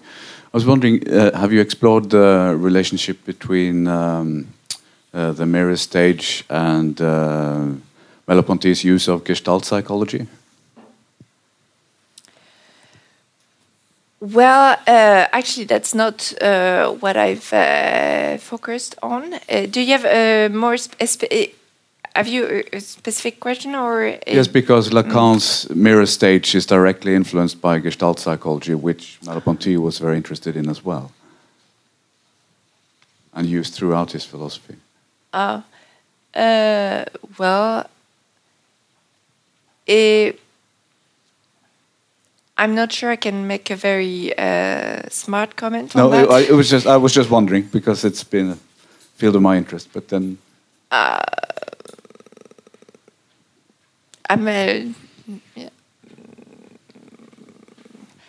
Uh, it, this this is not the meeting point I've studied actually. No, no. Uh, so because I think uh, it's my impression is more that uh, okay, this is something that uh, had in common because it was a, a, concept of the time, so to speak. It was a part of the intellectual environment, but I, am not sure it's very. Um, very deep in Lacan this reference to because I mean it's also um, this Gestalt in some ways is also present in um, in Freud, and I think it's I, w- I would more see the reference to Gestalt in the mirror stage in Freud's as a reading of Freud. I mean, of course, it can be inspired of the, the concept of the time, but um, You, you might know, you might you- find something there.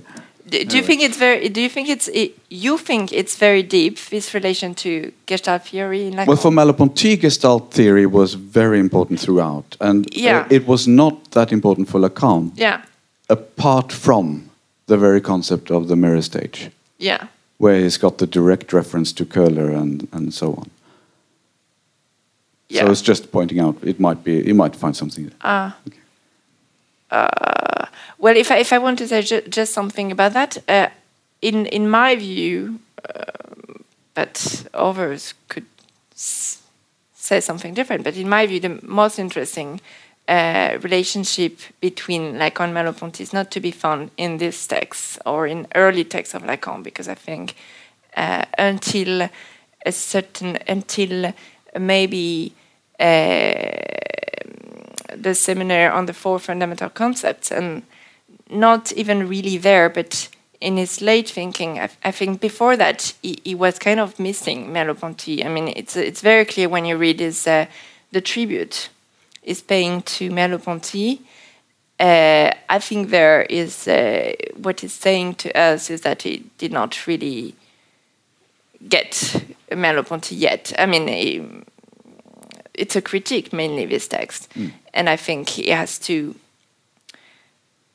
yeah take some distance and then, then develop his own thought and then then he's meeting Merleau-Ponty in my view in in his late uh, uh, thought with the Borromean knots so i would not think this uh, such an early text uh, i think is uh, I think, yeah, it's. I wouldn't. I would not see the relation between Merleau-Ponty and Lacan there. Okay, I'll be very interested in reading your papers. Thank you. So, uh, I have to just check the time briefly. We still have time for one short question more.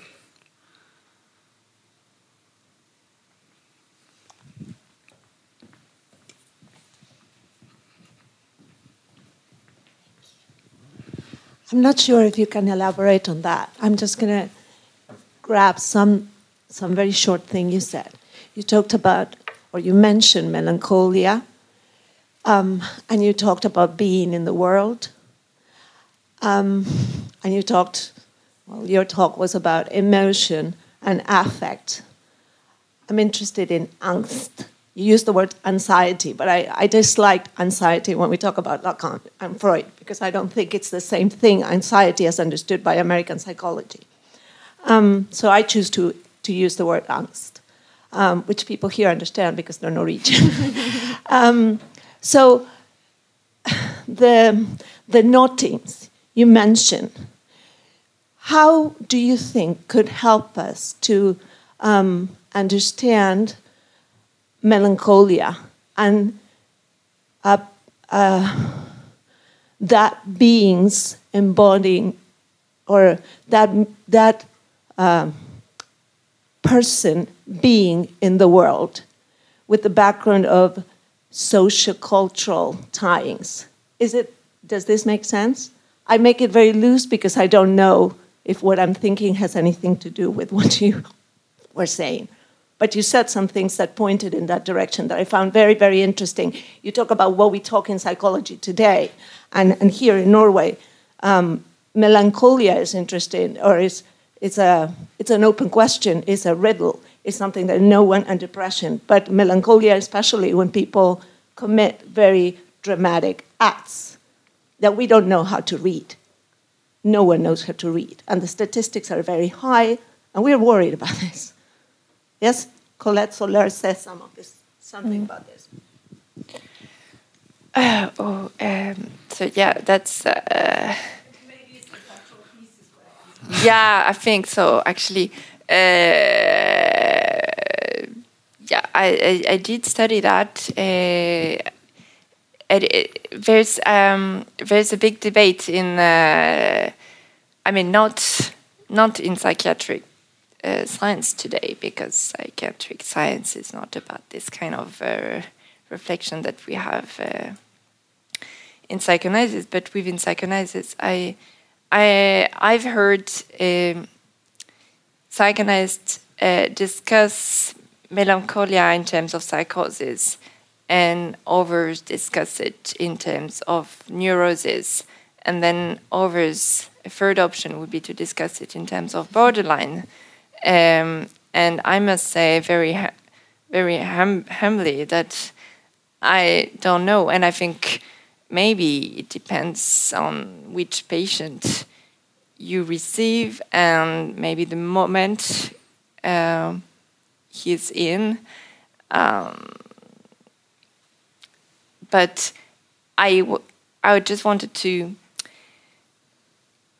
It's striking though that um, I was thinking, but it's maybe it's more a suggestion than a, a, line of thought, a question, an open question, maybe, that if we uh, stop thinking in terms of is there an object?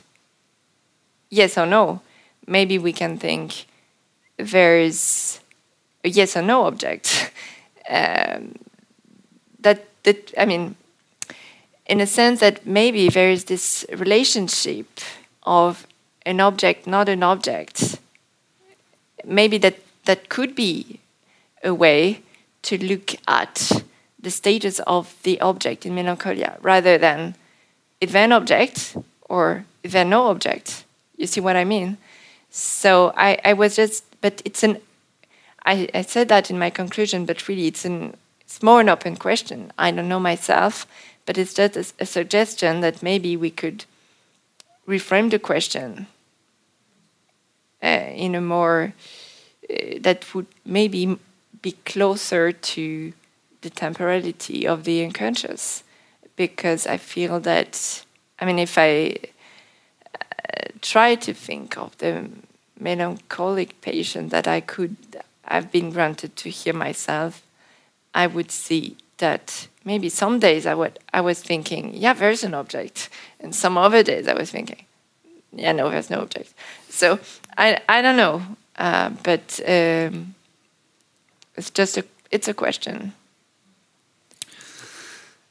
which we'll have to discuss at a later stage. We have to move on. Last presentation before the break, Kjell Solheim on unification and segregation. I think you just push okay. the button yeah. to get it up when you need it.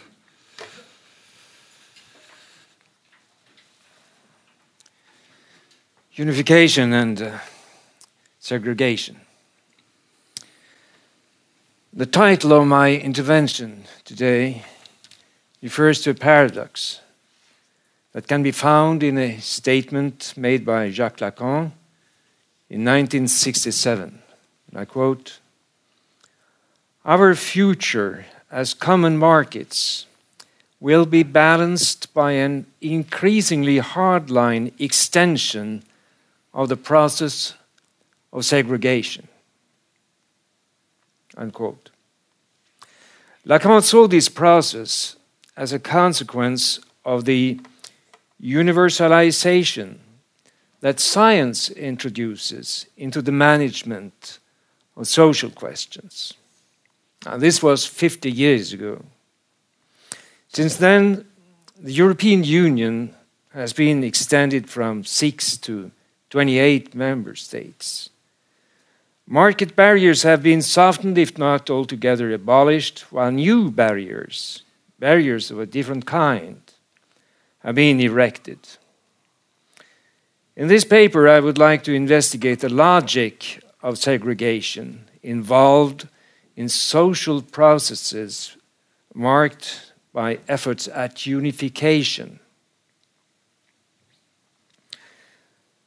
A striking marker of the efforts to unify European nations is found in the euro. However, since a common currency precludes the possibility of using different exchange rates as an instrument for settling debt problems, it will tend to, to increase the gap between rich and poor nations, between surplus nations and deficit nations. Uh, this is what Yanis Varoufakis, the former Greek Minister of Finance, tries to explain in a book he called And the Weak Suffer What They Must. Uh, Varoufakis tells us how he tried to convince Wolfgang Schäuble, the German Minister of Finance, of the fairness of writing down an enormous debt that turned out to be unpayable when credit evaporated as a consequence of the financial crisis around 2008. I quote I feel, yeah, perhaps, um, hmm, how do I operate this um, thing? No, it's, uh, Here? No, uh, it's this. Mm. Okay. Should be. Okay, yeah. First quotation, part of it.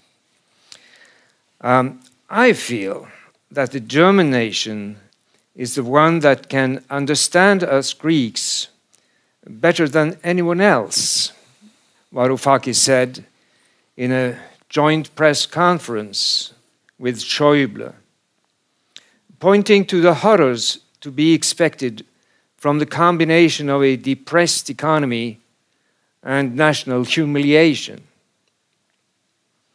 Schäuble was not impressed. Greece was to be forced to adopt austerity programs to obtain more credit and higher debt.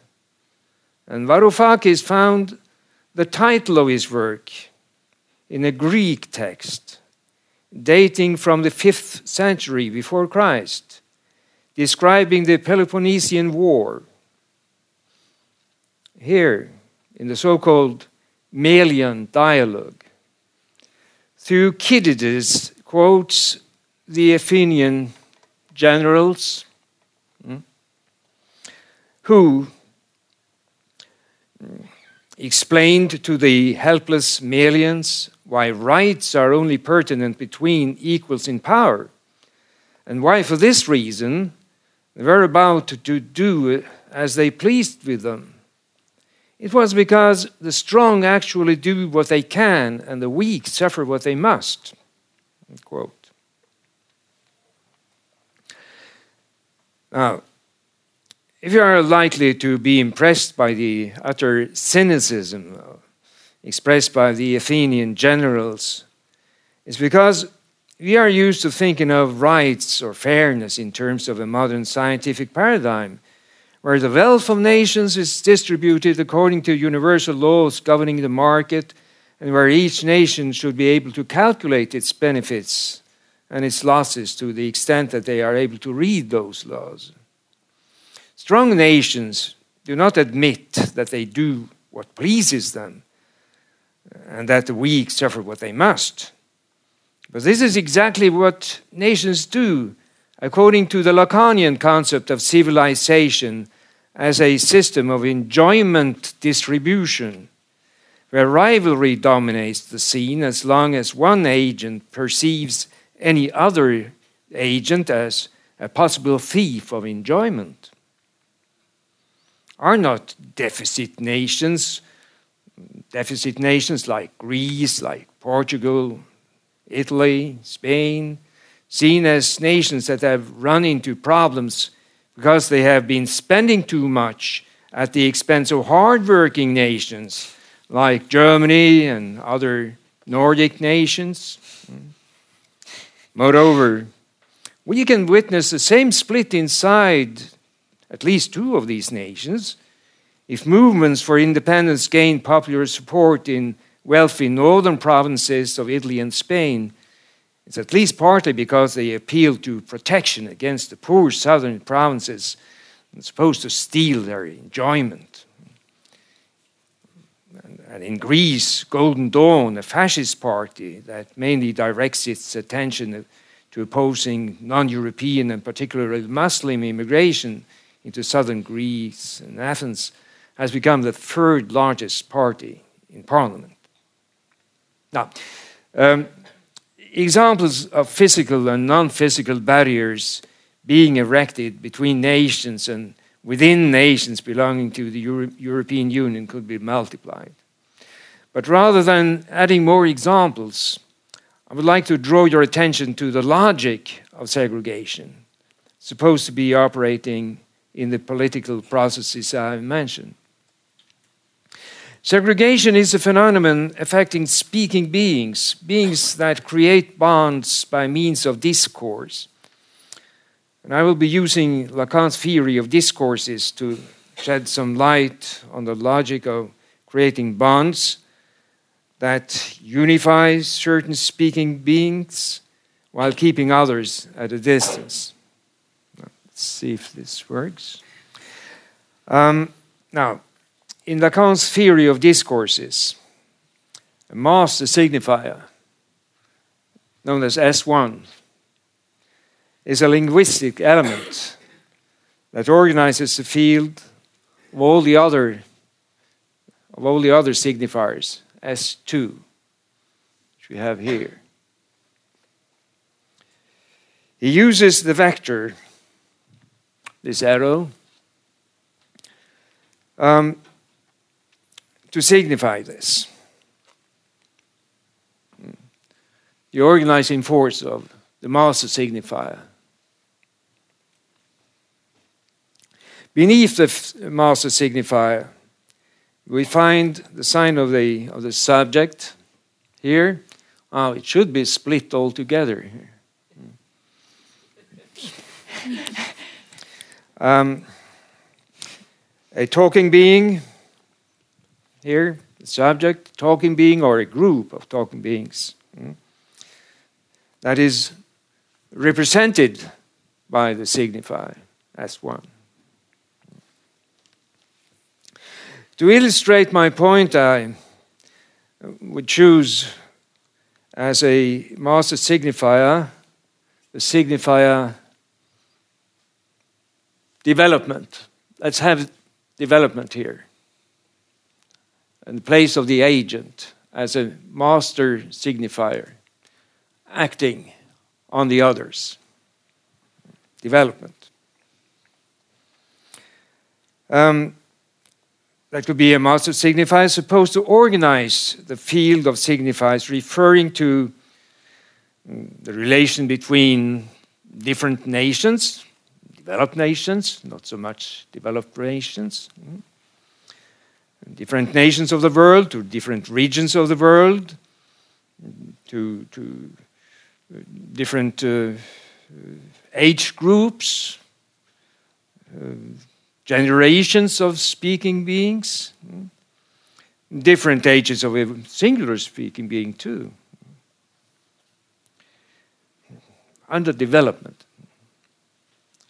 What is common to all these cases is the entry into the world of segregation through the gates opened by modern science, inasmuch as it is used to qualify nations, regions, and singular beings as developed or underdeveloped.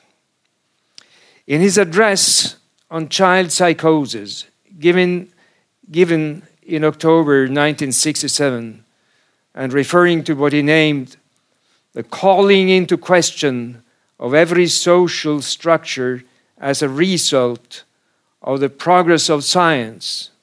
Jacques Lacan referred to segregation as the most burning problem of our epoch.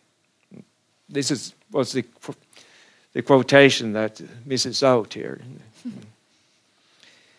um, in terms of discourse analysis, this problem is the outcome of an impossibility.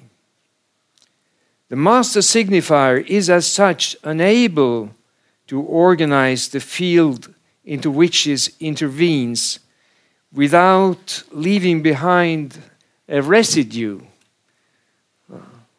Trying to organize this field, something misses out. There will be a residue, a waste product. Um, a, re, a, remainder, which in Lacan's uh, mathematics is given this sign little a, um, which he also called plus de jouir, um, surplus jouissance, surplus enjoyment. It's a waste product.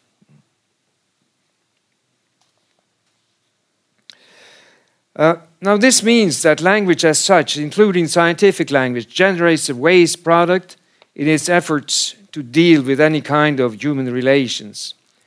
Since human bonds or relations are bonds of uh, or relations of language, they cannot be organized on the basis of norms given by nature.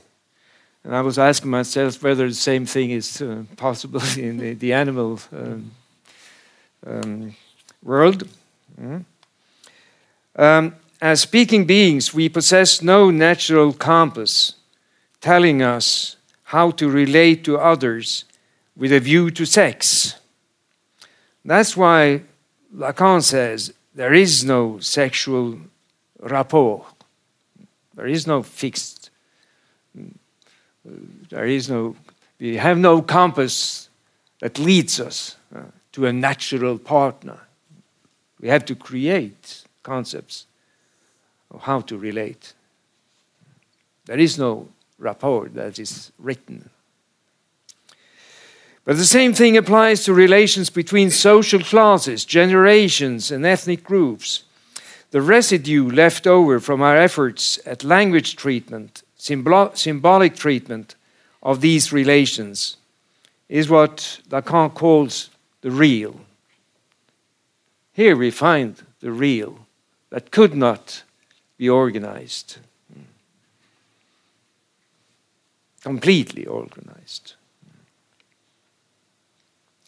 The double slash between the sign for the, for the subject here and the surplus enjoyment means that the subject will ex experience powerlessness in his efforts to master the real of his enjoyment. The real of our enjoyment is what Lacan calls jouissance, which means enjoyment beyond the, the pleasure principle. Pleasure in pain, a kind of pleasure that we repeat over and over again without being able to stop it. We may hate it. We may do what we can to get rid of it by attempts at reorganizing our lives and our social relations, but we cannot just make it go away. We do what we can to keep it at a distance, for instance, by trying to forget it. It is this damned part of ourselves that we project onto others by means of fantasy so as to steer clear to steer clear of hating ourselves. Thus, segregation may be seen as an instrument for keeping the other who incarnates and covers up our self hatred at a safe distance. In present day Norway, an extreme attempt at keeping this other under control can be found in the plans made by our Minister of Immigration for gathering all asylum seekers in one giant indoor refugee tent camp close to the Swedish border. Politicians on the far right tend to talk about the nation uh, in terms of unity. Thus, our Minister of Immigration interminably repeats the catchword Norwegian values norske verdier. as a demand or condition for immigrants to be integrated. Advancing this demand, she puts values supposed to unite the nation into the position of a master signifier.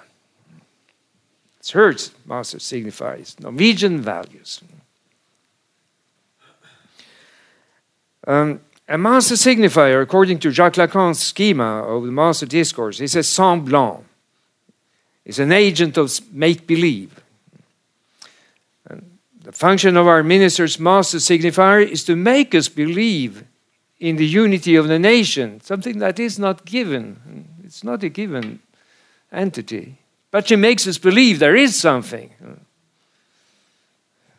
There is something like a, like a mm, Norwegian value. Um, uh, uh, she, she tries to make us believe, tries to make you and me believe in this. And she tries to make us ask ourselves whether or not we are really part of this whole. Do I, do I uh, incarnate those values? Uh, whose harmony is supposed to depend on. since a nation is, is, is supposed to, to, as a unity, is, depend, is supposed to depend on those values.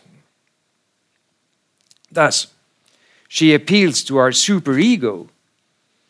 And if she succeeds in penetrating our superego, which, according to Freud's theory of group psychology, is a secret behind the hypnotizing impact of words uttered by charismatic leaders, then we will evaluate and, and judge ourselves and our neighbors according to whatever fantasies of national values and norms should be transmitted by her message. If she succeeds in putting herself into the position of our, our, our superego or ego ideal, that's what happens.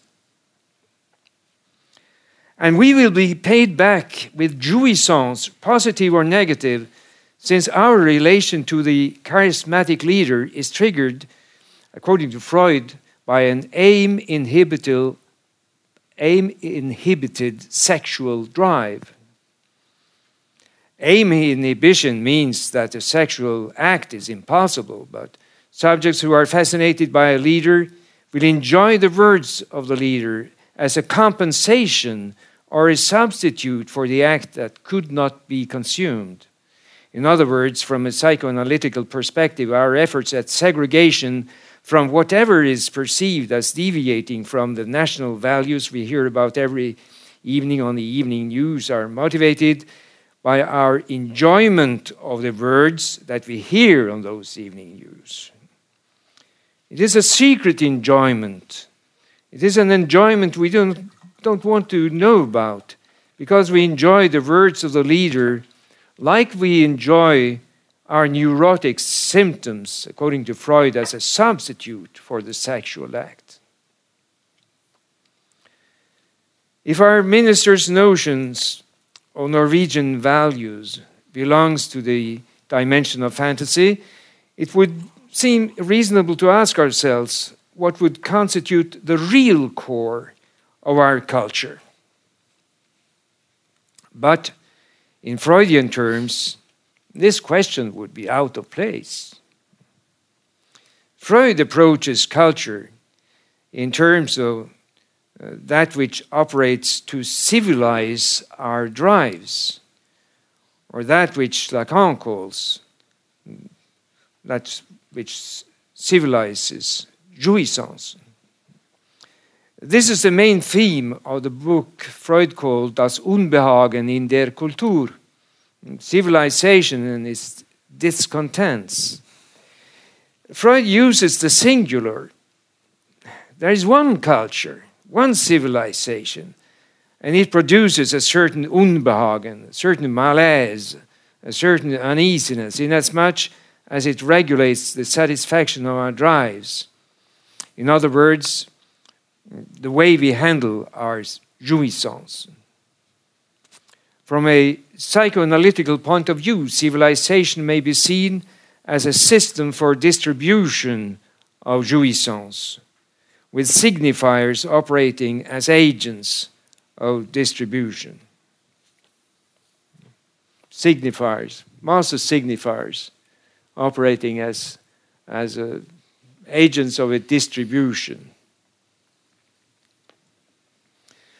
Now, since master signifiers operate as agents of make believe, they make it possible to believe that different modes of jouissance have borders and that they constitute systems that are opposed to each other and are potentially in conflict or even at war with each other. Thus, the manipulation of certain signifiers may create a segregative conception of what a system of distribution of jouissance is. But this conception presupposes that all of jouissance could be limited and controlled. And this is exactly the function of a signifier of national unity operating from the position of an agent of master discourse is. It makes us think mm, that there are multiple civilizations and that each of them constitutes, or at least could constitute, a closed set, mm, a closed set of Norwegian values, for instance. Mm. However, according to Freud and Lacan, no system of distribution of jouissance could be complete. Uh, and this is the political signification we may deduce from Lacan's sentence there is no sexual rapport. There is no sexual rapport. And I will conclude with a quotation, and it's not from Jacques-Alain Miller. It's a quotation from um, Aino Marjattamäki and Jaakko Karunen, two Finnish analysts. And I quote Psychoanalytically, multiple civilizations do not exist. Instead, there is only one civilization, but it's infinitely heterogeneous, incomplete, and open. Thank you.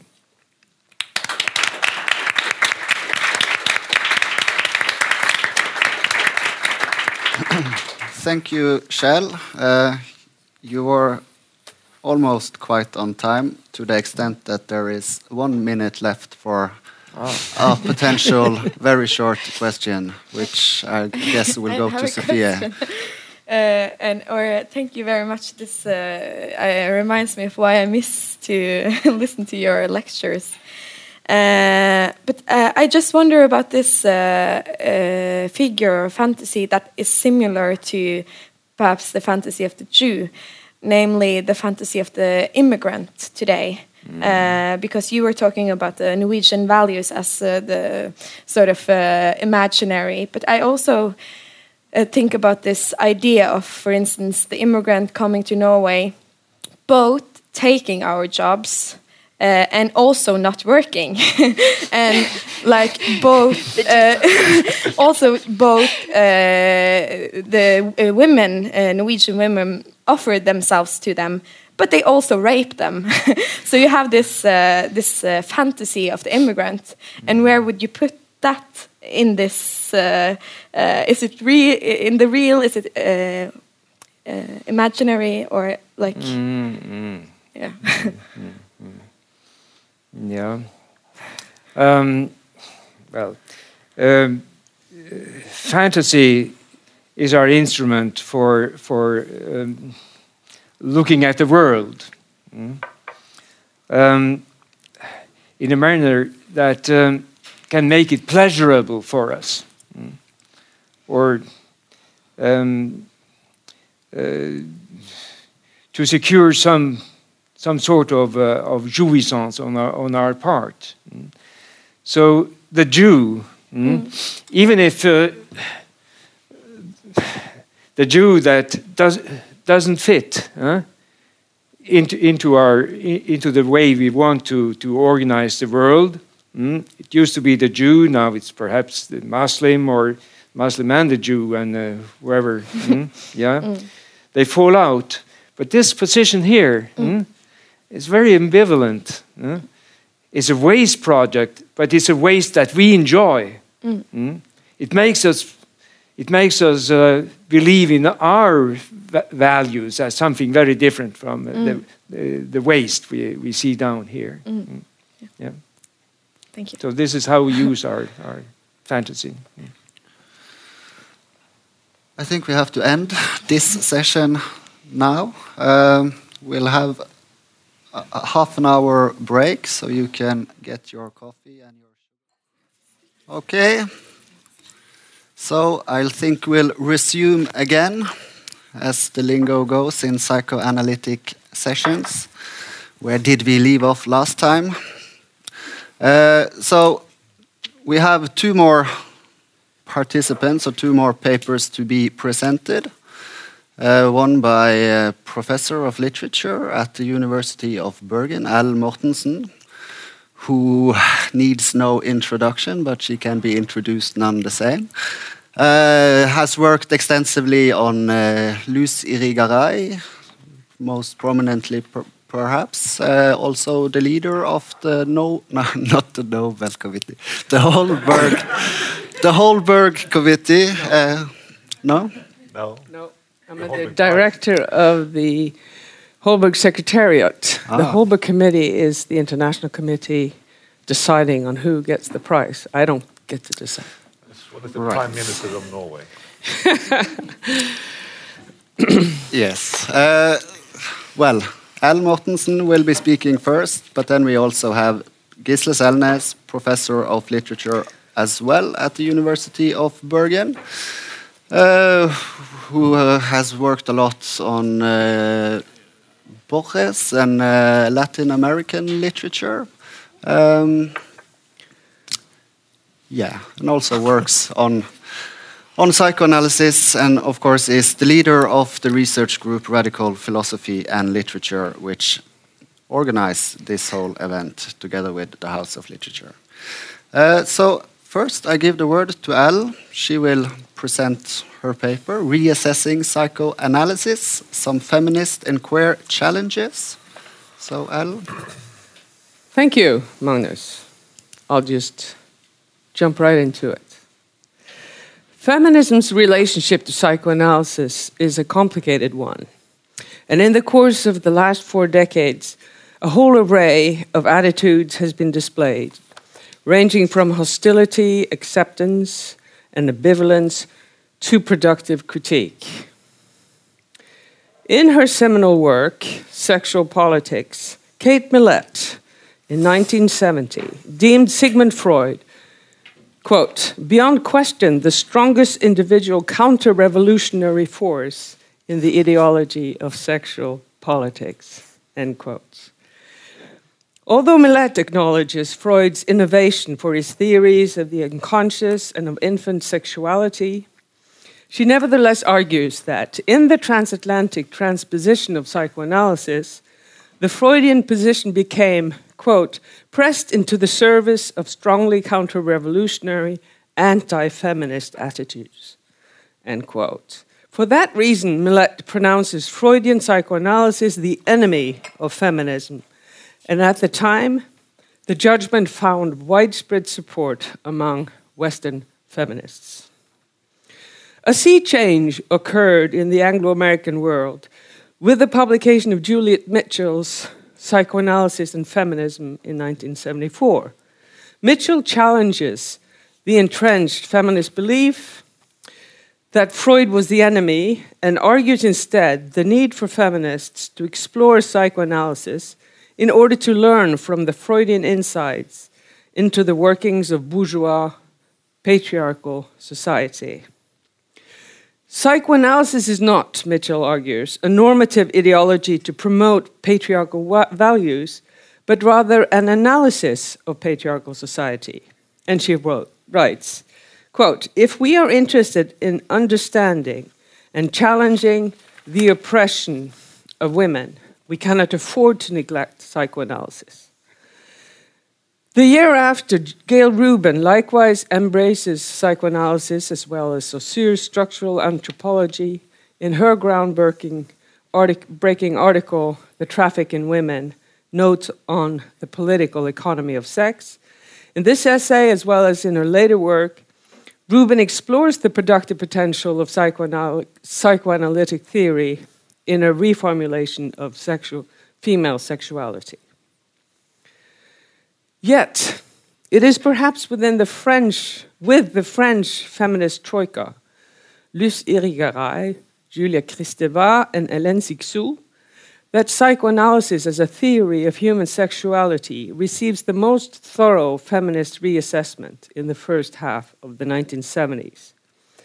For one, Luce Irigaray ad adamantly calls for the critical rethinking of the theory in her book Speculum of the Other Woman from 1974.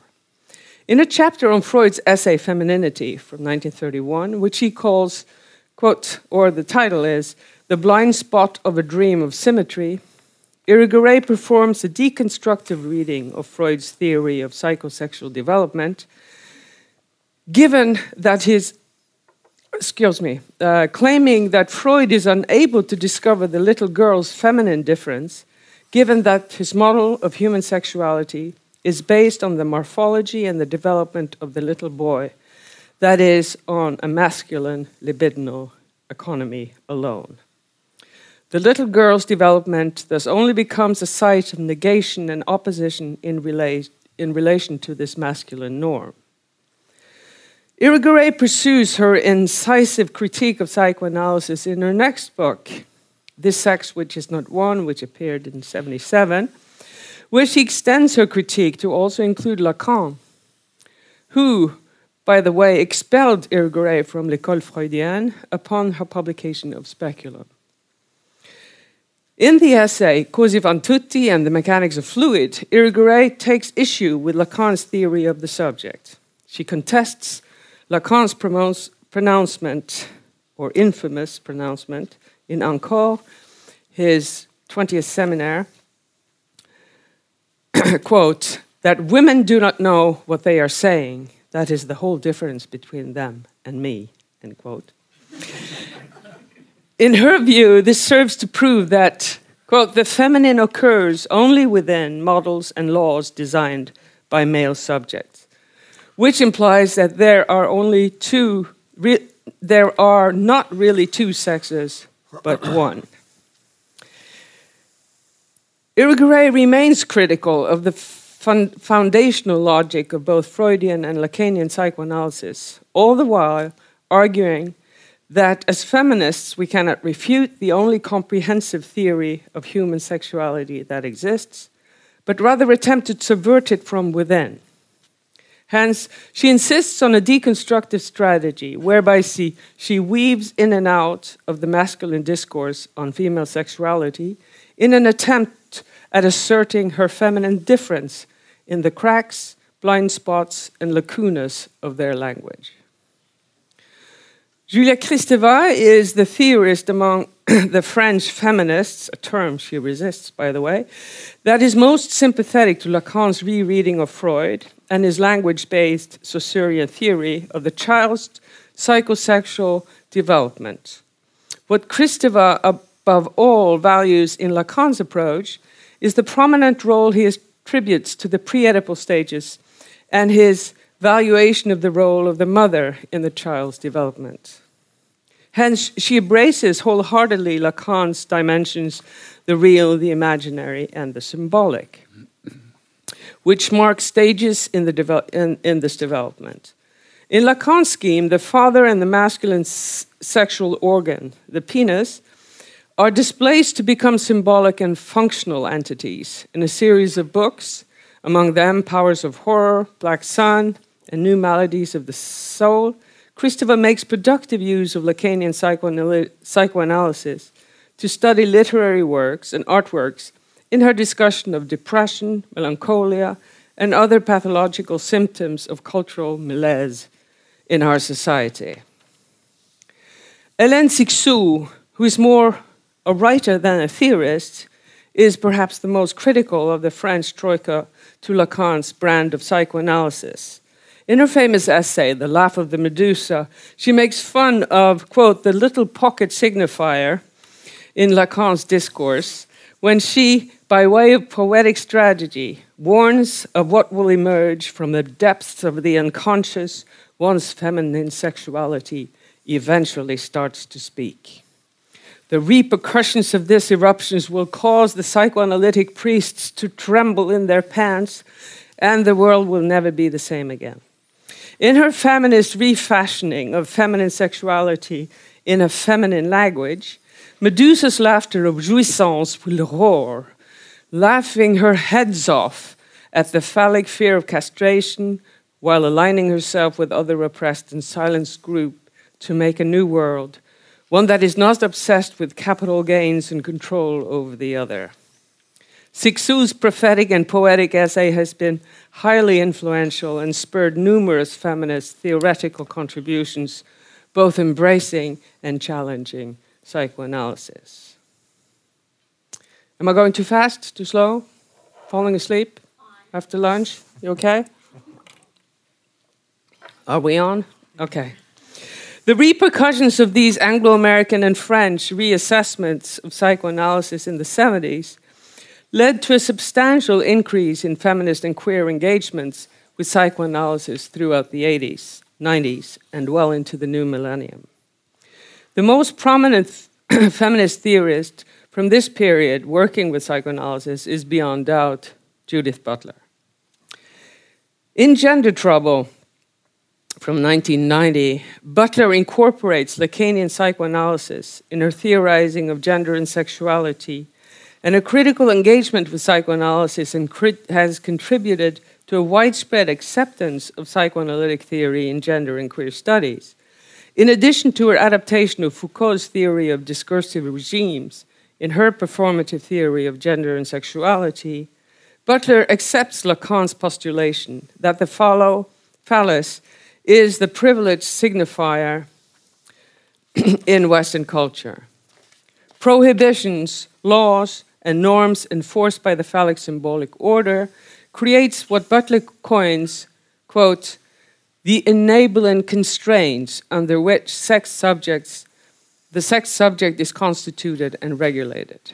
In this respect, Butler fully agrees with Lacan's theory on the formation of the subject under the law of the father.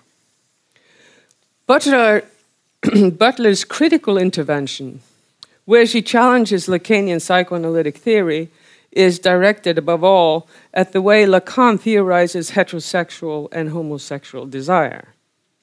In Lacan, the, identifica- the identificatory, identificatory, identificatory, identificatory, identificatory process that leads to the subject is not easy.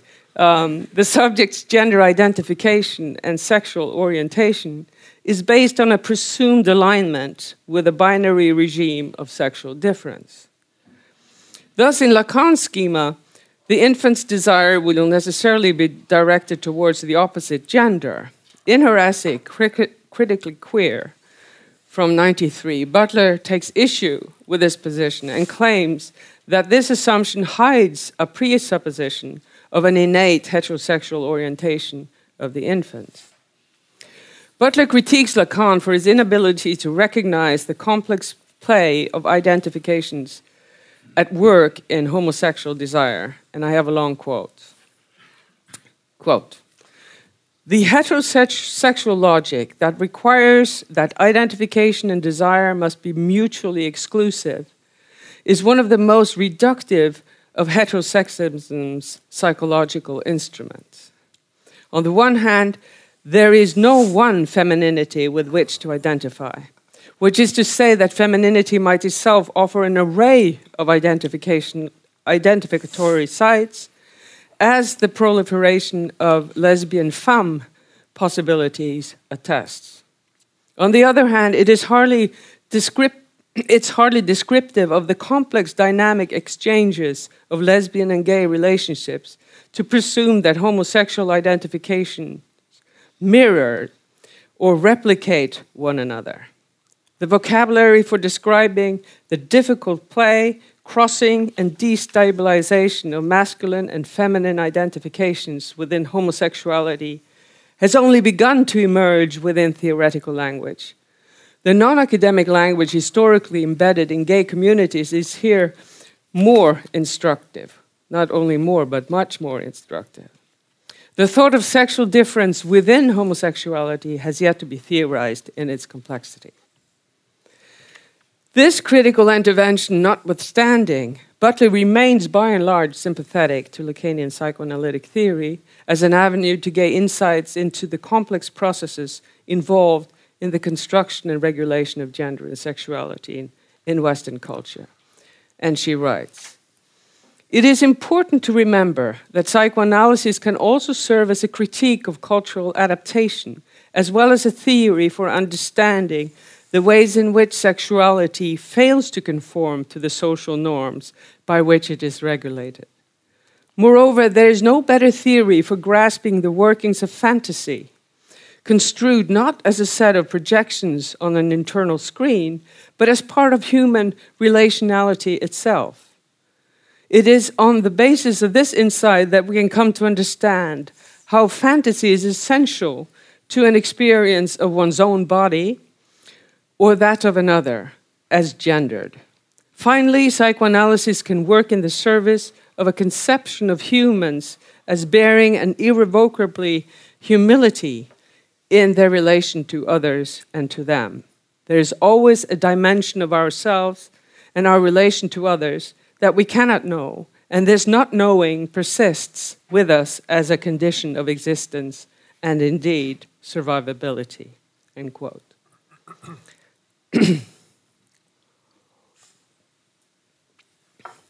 Another queer theorist who insists on the salience of psychoanalysis is Diego Costa in his article Forget Theory in praise of psychoanal- queerness. Contrary to the widespread skepticism among many queer theorists who have labeled psychoanalysis normalizing, homogenizing, apolitical, and anti queer, or not queer enough, Costa claims that psychoanalysis is queer. The argument he presents as follows um, uh, are as follows, quoting Eric Laurent the vibrant elasticity of queerness, as I understand it, queer as the active unit of recognizing of, of, of recognition of desire, which is oceanic and exceeds, exceeds any attempt at linguistic seizure. The queerness that serves as latent framework for psychoanalysis' is often misread manifestations is certainly the only guarantee the psychoanalytic thought as a scene, a process, a project, a temporality, a discourse that uh, psychoanalytic, the psychoanalytic can offer. The human subject is bound to queerness because desire is queer. End quote. Other queer theorists, such as Elizabeth Grosz and Judith Slack Jack Halberstam, are not equally enthused by psychoanalysis. Even though Grosz has worked with psychoanal psychoanalysis throughout the better part of her feminist theorizing, she's gradually become disenchanted with Lacanian psychoanalysis. This skepticism may in part be explained by her increased interest in the writings of Deleuze and Guattari, um, who have consistently, and since the publication of Anti Oedipus in 77, been resistant to Freud and his accounts of the Oedipal narrative. Grosz aligns herself with two French, the two French philosophers when she denounces psychoanalysis in the following statement. But rather than Saussurean difference and the deconstructive strategies to which it gives rise, where difference functions primarily as a force of psychic or material representation, a leveling of the real through the symbolic, I am interested now in addressing how difference problematizes rather than undergirds identity. End quote. In the pursuit of this alternative, non structuralist theorizing, Grosz now explores another theoretical genealogy, namely that of Nietzsche, Foucault, and Deleuze and Guattari. Jack slash Judith Halberstam is even more vocal in her, her overt opposition to psychoanalysis. And in the book Female Masculinity from 98, she takes issue with Freud's understanding of female homosexuality with reference to his essay, The Psychogene- Psychogenesis of a Case of Homosexuality in a Woman. And in the book, In a Queer Time and Place, Halberstam calls for a more radical theorizing of queer and transgender issues beyond the parameters of psychoanalysis. Judith Butler likewise addresses the same problem in psychoanalysis' inability to deal with the transgender question in Undoing Gender, where she writes, quote, it becomes difficult, that is, in psychoanalytic theory, to say whether the sexuality of the transgender person is homosexual or heterosexual. The term queer gained currency precisely to address such moments of productive undecidability. But we have not yet seen a psychoanalytic attempt to take account of those, these formations in which certain vacillating notions of sexual orientation are constitutive. Butler's lamentation seems in an eerie way to have been heard by Patricia Gherovici, who recently published the book Transgender Psychoanalysis A Lacanian Perspective on Sexual Difference, which came this year in 2017. I've just been browsing through it. In this work, Gherovici approaches the transgender question from a Lacanian perspective, with a view to both psychoanalytic theory and to cl clinical cases. Gherovici argues that by establishing a bridge between psychoanalysis and transgenderism, mutual transformations might occur. As a point of departure, Gherovici delves into the history of, the, of transsexualism in psychoanalysis by doing a close reading of the case history of Freud's collaborator Wilhelm Stekel's patient, the transvestite Elsa B. In Stekel's and Freud's analysis of this case study, the normative slant prevails, prevails and Elsa B's particular form of sexual aberration was explained with reference to both castration anxiety and penis envy.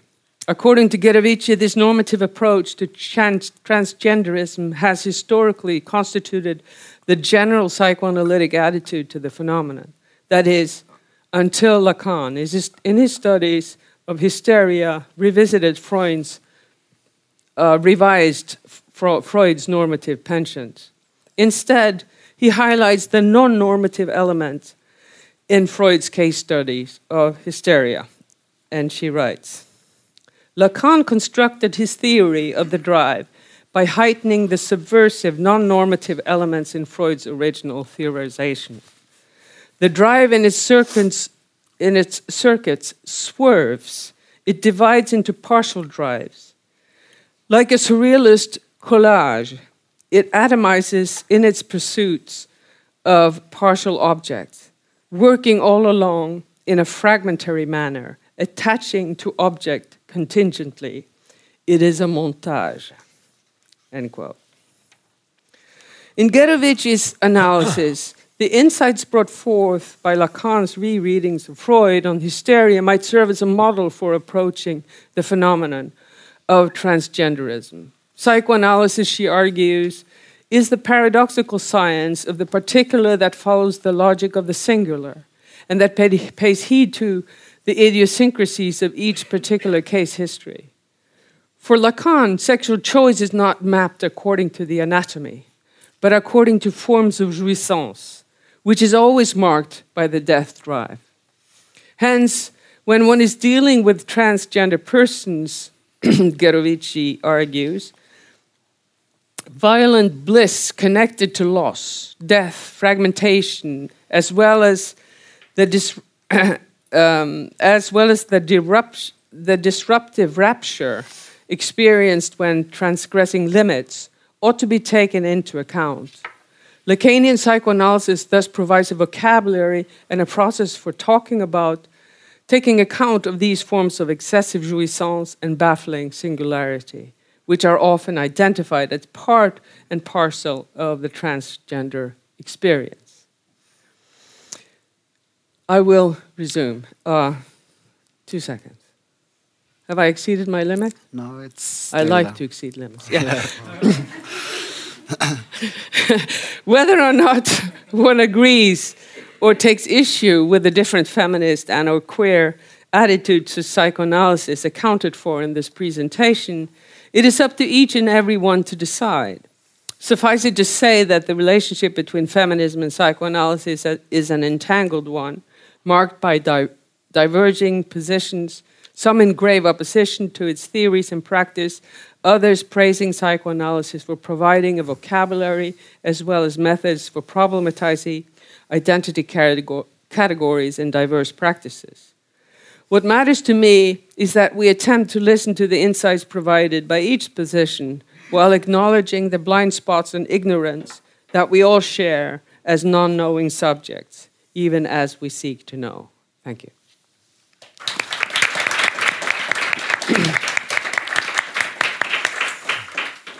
Thank you, Al. Um, you're still within the limit, so we Really? have uh, well at least five mini- minutes for discussion, possibly seven. so, are there any questions or commentaries to uh, to Al? Yes, I'll get you a microphone.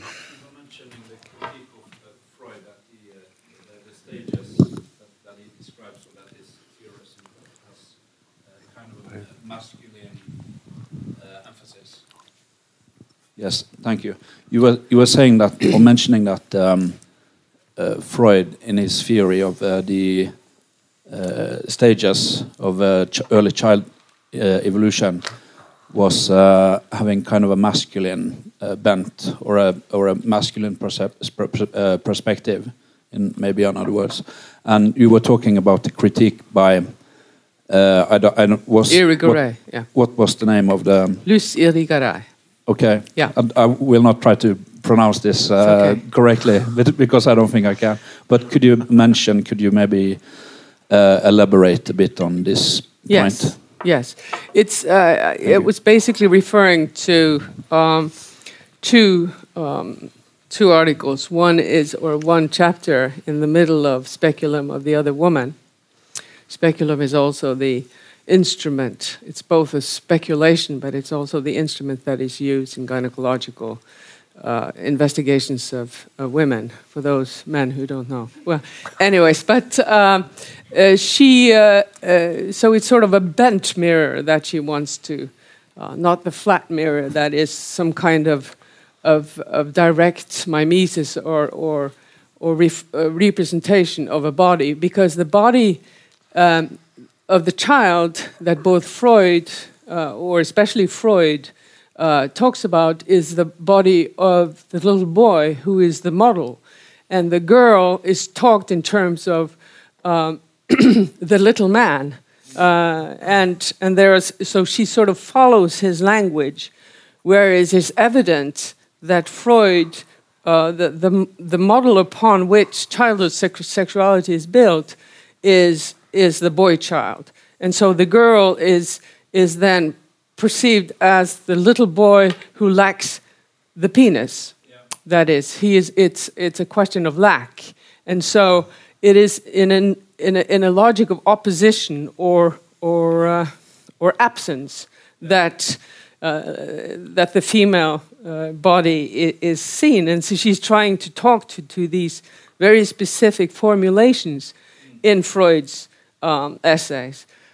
The other part where she talks about uh, in, in the sex which is not one, in Cosi fan tutti and, and uh, the mechanics of fluids, she, she talks both to the uh, philosophical tradition whereby there's a privileging of that which appears to the eye as preferably something massive and erect, uh, and that is sort of the ideal uh, organ. And even if, if Lacan uh, makes it, the phallic function into a symbolic function, there is still a privileging of what she calls the um, masses of, of, of uh, the mass as opposed to liquidities or liquids yeah. that is usually connected to the female body. So she makes a, and, and she said this is informed by what she could call the perspective of a masculine libidinal economy.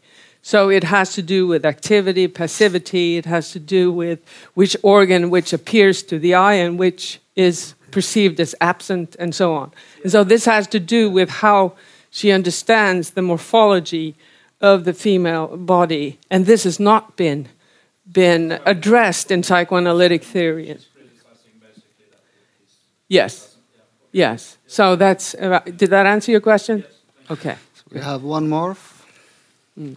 Yes, I mean if I have, if there's time, uh, I'd, I'd, just to your comment here, I thought about. I think the only time I have heard one of this so-called Slovenian school outright, uh, unambiguously say that Freud was wrong on something was precisely on the concept of penis envy, because it mm. was Mladen Dolar once in a lecture a couple of years ago back, he said, it is clearly, uh, even as an empirical argument, it's wrong. It's not uh, females who are suffering from penis envy, it's men who are suffering from penis envy. I think that's a wonderful argument.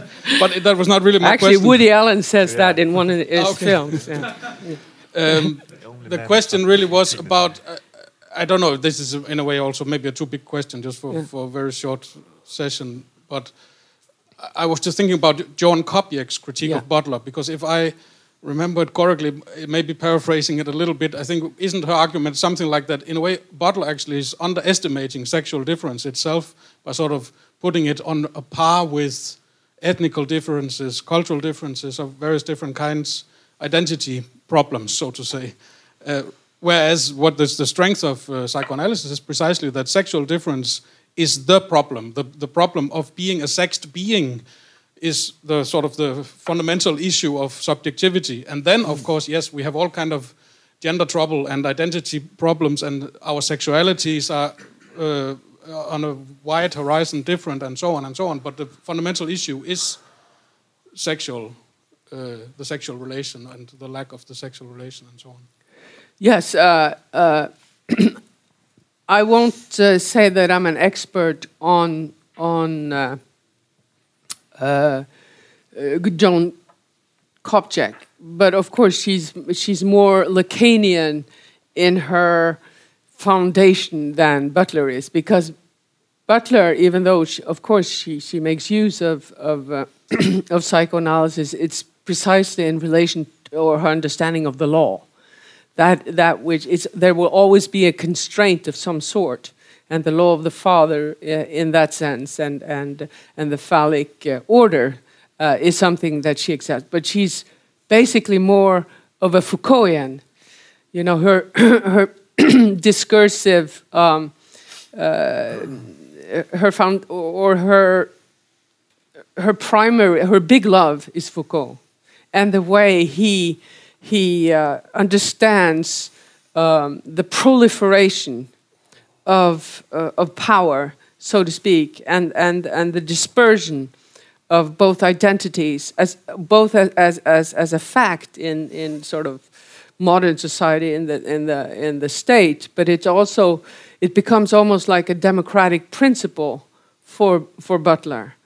Uh, so there are different levels of dealing with the question of sexual difference. When uh, they say il n'y a pas de rapport sexuel, that's at, at, at an, almost an ontological level.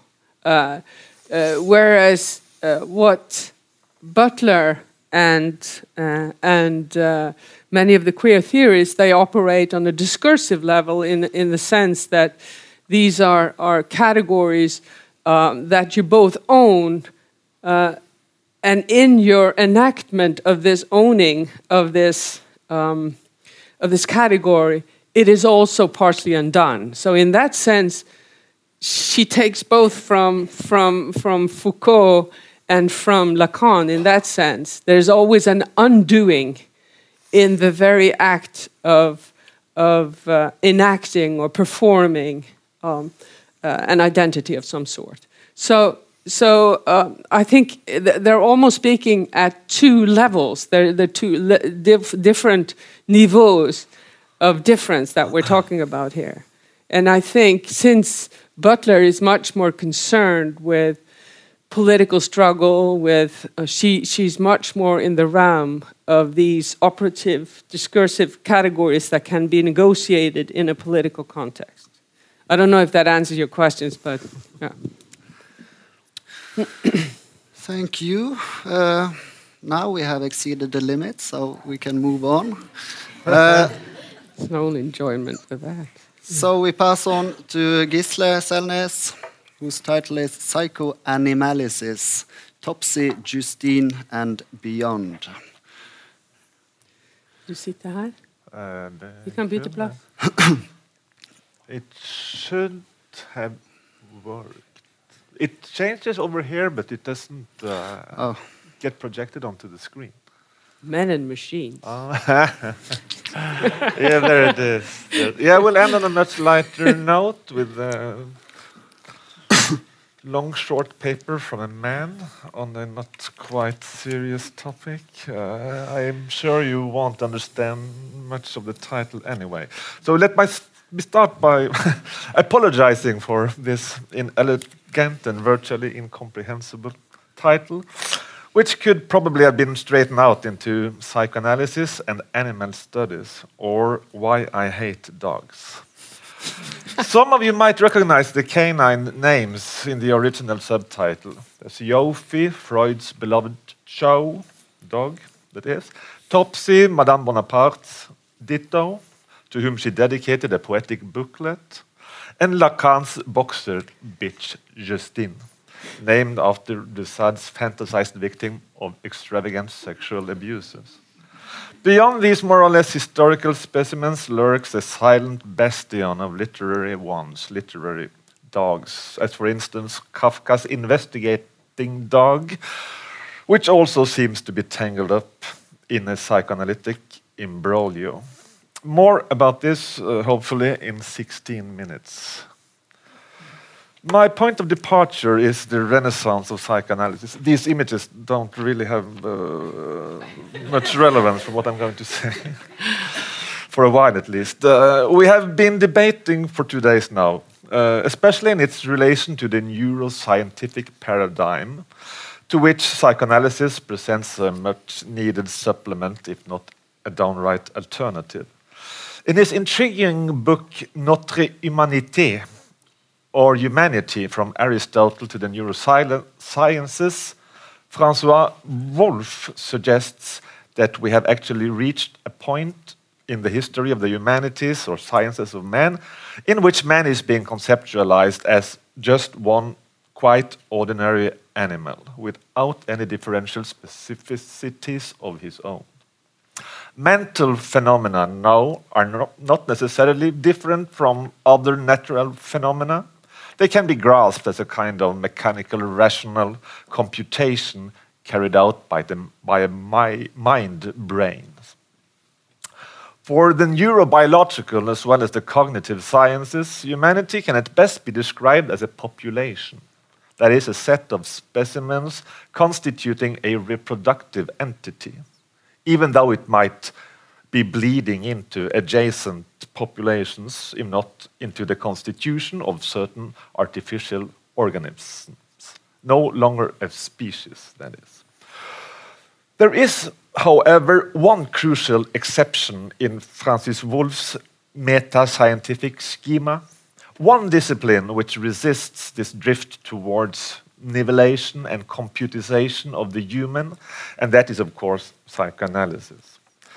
Uh, as we all know, for psychoanalysis, man is not provided with a ready made replica of his own surroundings, his umwelt. His pulsional apparatus is not that of biologically adapted instincts, but of derailed and essentially objectless drives.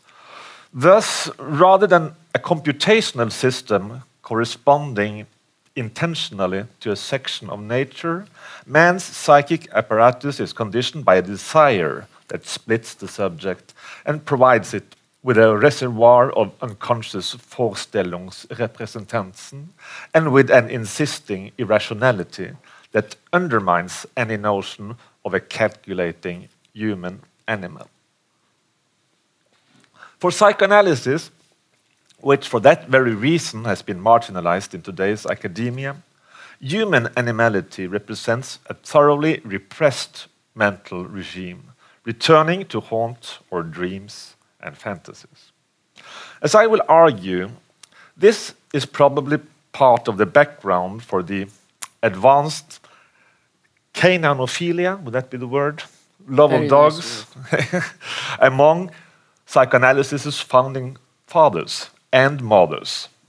Anna Freud also being a dog lover and contributing to the translation of Marie Bonaparte's book on her chow, Topsy. The animal's alleged immunity to psychoanalysis turns it, the dog that is, into an alluring figure of the other of the analytic conception of man in his distressingly civilized state. Freud's own case is fairly well known and seems to evoke rather explicitly this Unbehagen in der Kultur, from which animals are allegedly exempt. I prefer the society of animals infinitely to human society, Freud said to an English journalist in 1926. How much more pleasant are the simple, straightforward, intense emotions of a dog wagging his tail or barking his displeasure? The emotion of the dog remind one of the heroes of antiquity. Perhaps that is the reason why we unconsciously bestow upon our can canines the names of ancient heroes such as Achilles and Hector. Imaginably, for this very reason, Freud was renowned for a certain animal magnetism that aided him during the analytic session. He also counted on the soothing presence of his own preferred pet, Jofi, which would sit quietly at the foot of the couch during the analytic hour. The only non human specimen among the many curious items in Freud's living museum, his consulting room that was actually alive, a lot of non living creatures, but only the dog alive, apart from the patient and the analyst, of course even to the point, the presence of these dogs, of affecting, sometimes negatively, uh, interfering with the analytic progression. I was annoyed, the famous HD reports, at the end of my session, as Jofi would wander about, and I felt the professor was more interested in Jofi than he was in my story. I'm not going to revise the entire catalogue of Freud's menagerie, a task that has been carried out partly by Sten and by Kelly Olivers and others. Uh, rather, I wish to point out the perhaps uh, all too evident fact that the animal species, the dog, preferred by the founding father of psychoanalysis as well as by his acolytes, acolytes, acolytes is a distinctly human animal. Maybe the only animal, really human animal, that readily becomes entangled in the symbolic order, suffering all kinds of proto-neurotics symptoms. Let me narrate briefly an anecdote from my own intimate experience with dogs. There's a picture of my youngest son at the age of three, approximately a perfect illustration of the subject posing as a signifier representing the subject to another signifier. He's definitely aware of being gazed at by the other, exposing himself to the photograph er, most definitely his mother, striking a poster saying, I show myself as this propped up figure which I am not. At roughly the same period in which this picture was taken, August, that's his name, being the only child of a normal, dysfunctional couple, did everything in his power to mess up things when he felt it could bring him some advantage or enjoyment, which included turning the gentle, flat coated retriever to the right into an instrument of his own arbitrary willpower. Thus, whenever he felt that the air was tense enough, most notably when we were busy getting dressed and preparing to leave the apartment, he would start screaming, preferably very close to the flatcoat's ear, causing the dog to yell in unlovely unison with him, apparently unable to stop. I take it that all of you, especially those of you who have small children, can imagine the explosive effect on the family romance there and then. It strikes me as somewhat odd that neither Freud nor Marie Bonaparte elaborate on the rather obvious exceptional intermediate status of the dog in the animal kingdom that causes it to behave neurotically, so to speak. In Donna Haraway's parlance, the dog is man's companion species. Having entered into close contact with him, with us, at an early stage of culture, the two species developing in biological and social interchange with each other during centuries or millennia. True, Marie Bonaparte uh, refers in passing to the prehistory of the domesticated wolf. But she does not reflect on the consequences of such a reciprocal evolution, treating her beloved dog as the inhabitant of a prelapsarian paradise forever lost to man. She writes the following You are yourself part, she addresses her dog, of this nature which bears, rocks, nourishes, and kills, but which, is not human. A fragment of life, like the nightingale of the gardens and of the woods. You share with it in my heart the animal innocence. This passage is typical of Bonaparte's book at large. She repeatedly contrasts her own humanity negatively with the animal's respite from things human, such as duty, distress, mixed feelings, unnatural burial rites, etc., while at the same time casting herself in the role of Topsy, the dog's godlike mistress and unrequited benefactor. Thus, the narrative frame of the prose lyrical pieces concerns a malign tumor in the dog's jaw treated on Marie Bonaparte's initiative with the most up to date medical equipment available. In this respect, the animal is evidently inscribed in an anthropological context, not only due to the obvious fact that it enters a space normally reserved for human beings, but also since Topsy repeats the destiny of Marie Bonaparte's own father, who died from a similar treatment 12 years earlier. Sigmund Freud, another father figure, on whom oral cancer had been working for a long time when he received Bonaparte's book, Freud describes Bonaparte's booklet as follows I love it. It is so genuine, so true. It is not an analytic work, of course, but the analyst's thirst for truth and knowledge can be perceived behind this production, too. So it would seem that there is a certain psychoanalytic thesis involved in Topsy, the book, a clinical dogmatism, if you like, to which Freud apparently subscribes.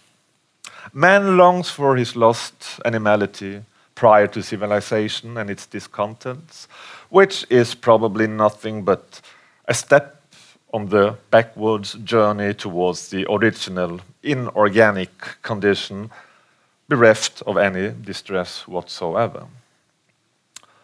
Yet this is only one of the possible anthropological propositions to be inferred from the psychoanalytic canon.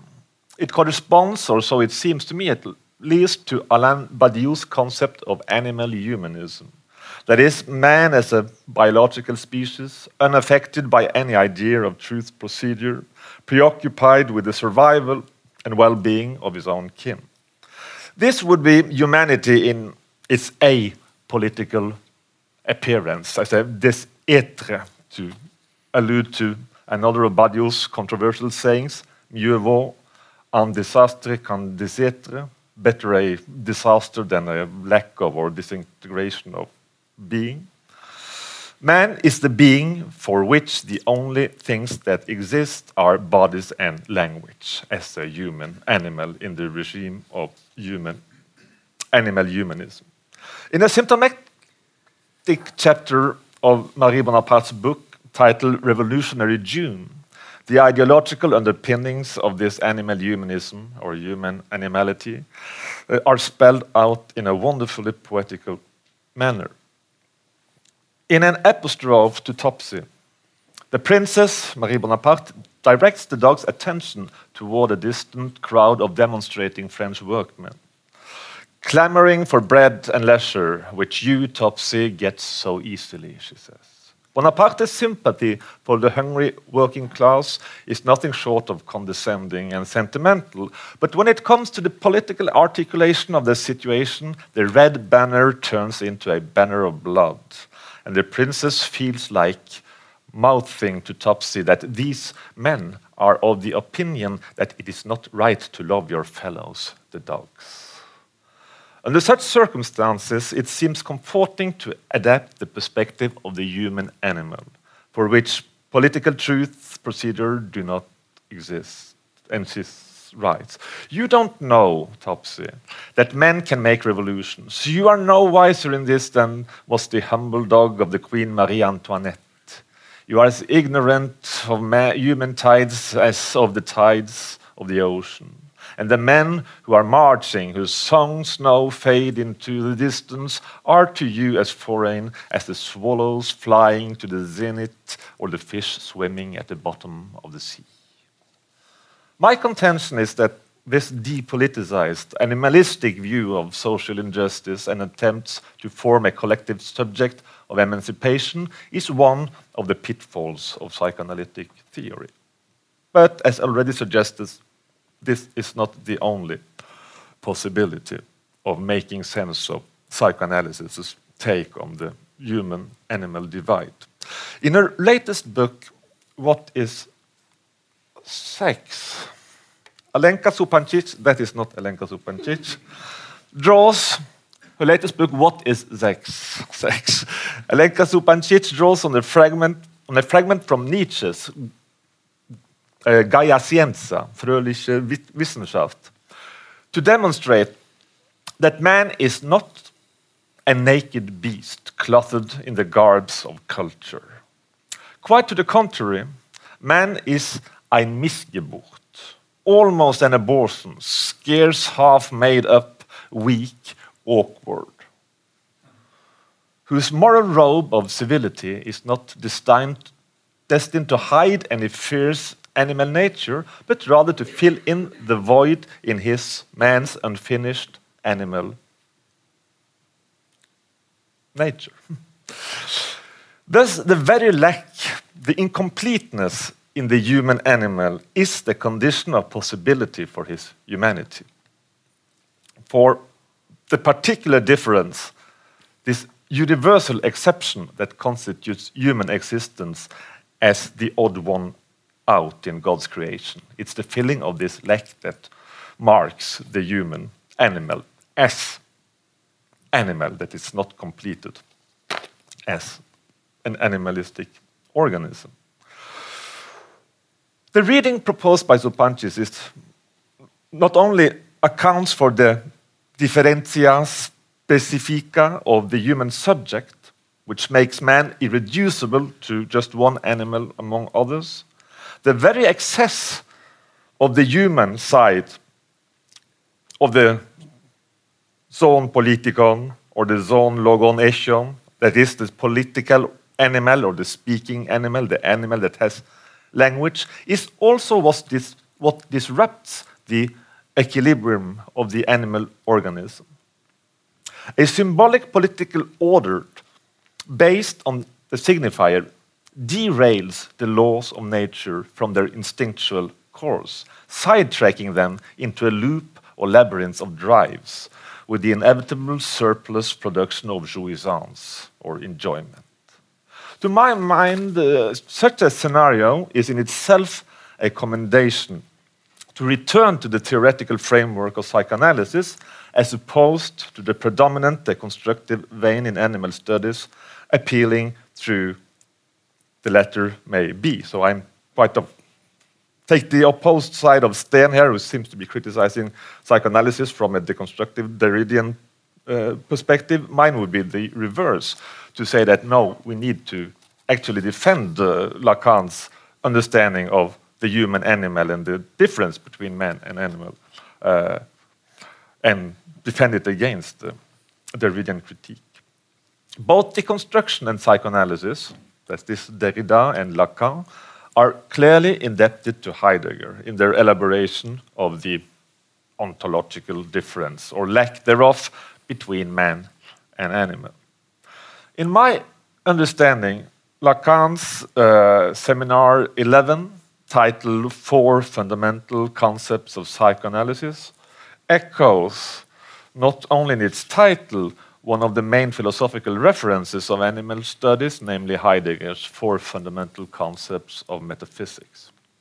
Let us recall briefly uh, Heidegger's four famous dictum from that book, claiming that history of the conception of a world may be divided into three exemplary categories, namely the stone as world, worldless weltlos, the animal as world impoverished or welt arm, and man finally as world forming, welt bild. The stone as weltlos, the animal as welt arm, and man as bilden.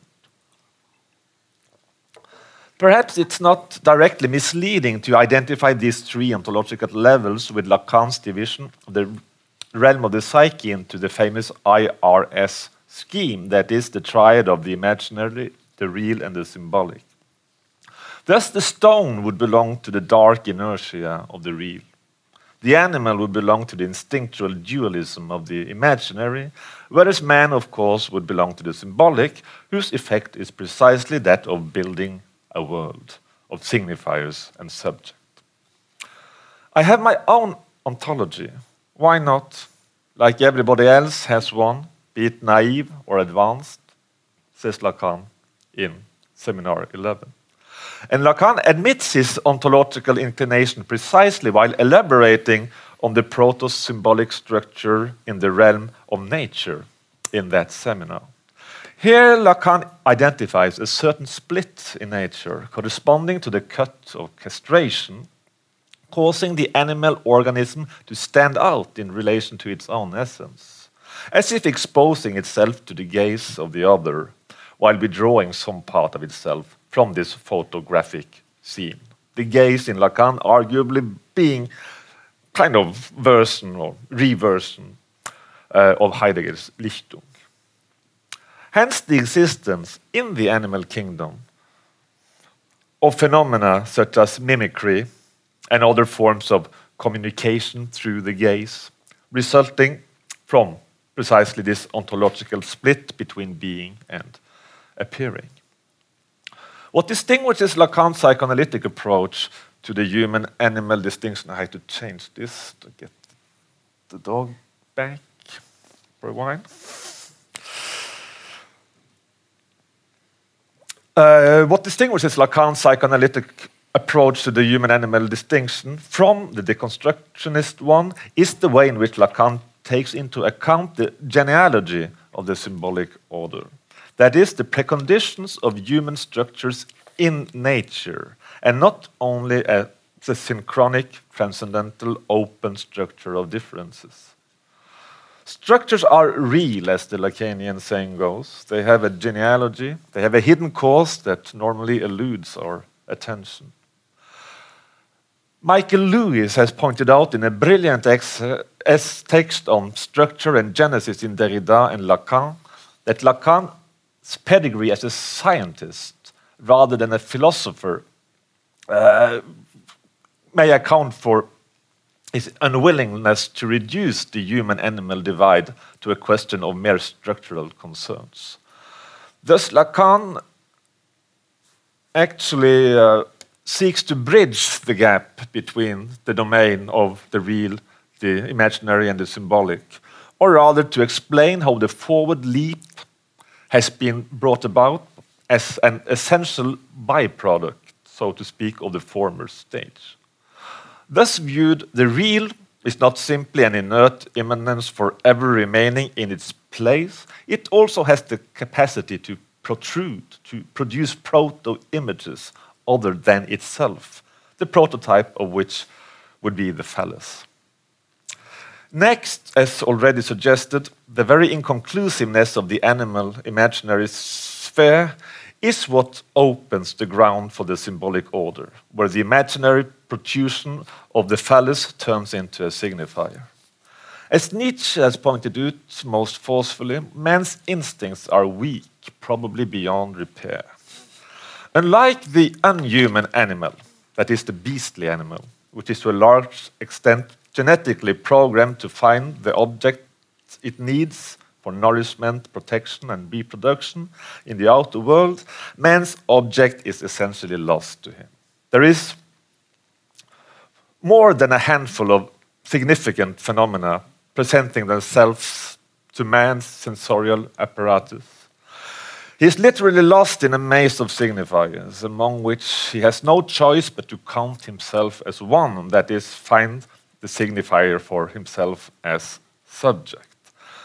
This also means that he has to scan the entire universe of signifiers in order to find his social and sexual bearings, to interpret and negotiate his own position so as to find out what he is entitled to, a necessarily partial or contingent object choice, to be sure, which for that very reason appears as contiguous, arbitrary, and therefore leaving the subject with the sensation that c'est pas ça, that's not it.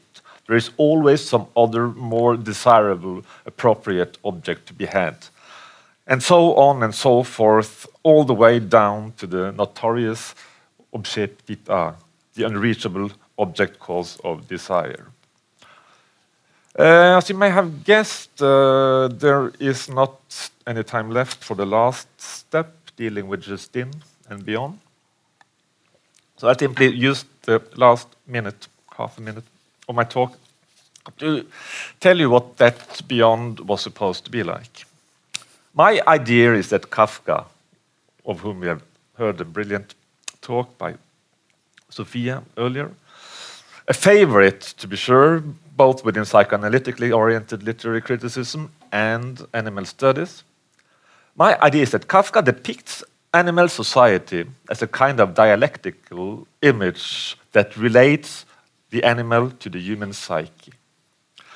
In the case of the investigation of the dog, to which my title alluded, it is as though we experience the canine world as an inverted image of human society.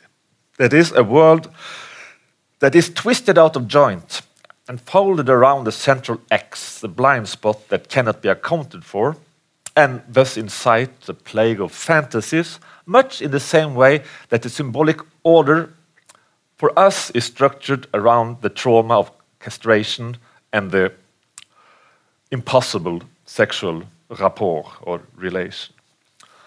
For whereas the great enigma of human culture is sex, according to Freud, the curiosity and investigations of the small scientist, the child, are spurred precisely by the tricky questions concerning where humans come from and what kind of desire it is that structures its parents' affection. The enigma of the dog in Kafka's universe is the following Where does the food come from? Or more literally, what brings the food down?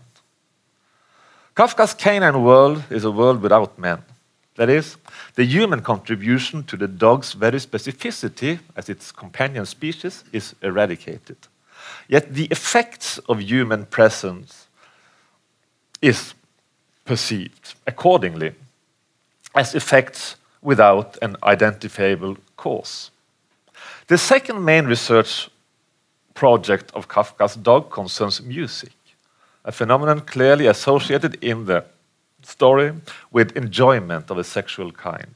The dog's music is acousmatic, so to speak. It emanates from out of the blue, out of nowhere, accompanying certain more or less obscene movements and constellations of a group of dogs.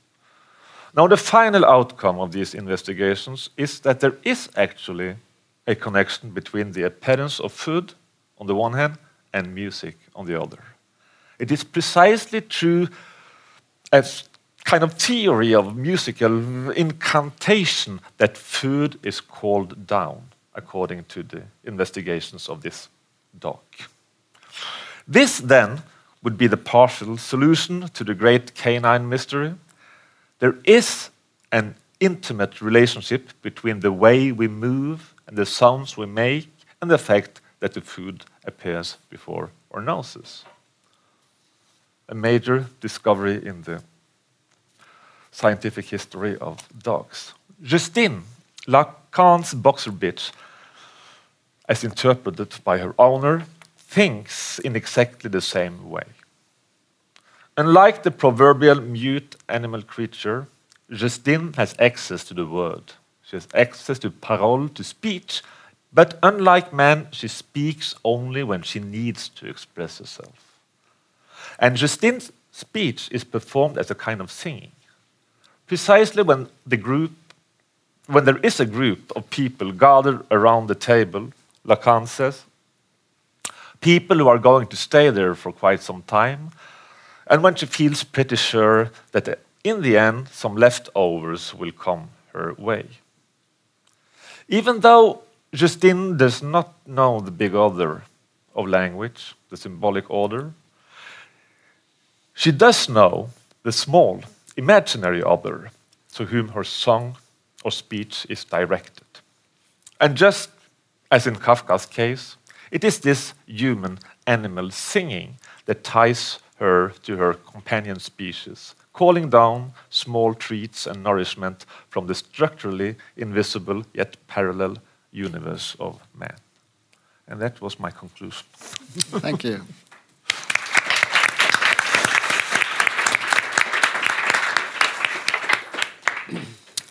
So we do have some time for for questions but only because the last participant won't show up because um, you also exceeded your limit. But I guess it's my responsibility. But I have a question before I let anybody else go. But perhaps which uh, is a bit to both of you, perhaps, because uh, you have the animal and the human, and then at least in this notion of Medusa, you have something monstrous, which is well, I guess it's kind of a mix between human and animal, perhaps. But how would how would that fit into the whole debate? Of course, there's also this the monstrous real, which is an aspect, but. Uh, Should I ask? Yeah, go ahead. I can pick up the pieces. Yeah. Mm. But then you're referring explicitly to, to fictional or mythological monsters and not necessarily. I, as Still, the signifier monster, the conception, the idea, well, yeah. notion of a monster. The, the, notion of a monster. Or the monstrous. But you would link that to the way fantasy operates within the realm of the symbolic anyway, as was commented on after, uh, I believe it was Sten's talk. Well, you have in many different situations for psychoanalysis, uh, the animal is a symptom. The figure of the animal is a symptom. It has something monstrous to it from the very beginning, in a way. Well, you know the etiology of human culture. Well, it, you can trace it all the way back to a totem animal. So you have to transgress this limit, and if you transgress that limit, you would actually meet your own father, the uh, animal of some kind. So there you would have this monstrous uh, uh, chimera. Would uh, most likely be a mother, wouldn't it? Uh, symbolically, not necessarily another. Biologically, well, yes, probably. Uh, so, so that I would say that uh, the dream of reason produces monsters, and well, we are dreaming uh, both imaginarily and symbolically uh, almost all the time with our eyes shut or shut wide open. Uh, and these monsters keep popping up when it comes to uh, Medusa, well, it has also a specific uh, signification Yes. as regards sexual difference and Yes. femininity.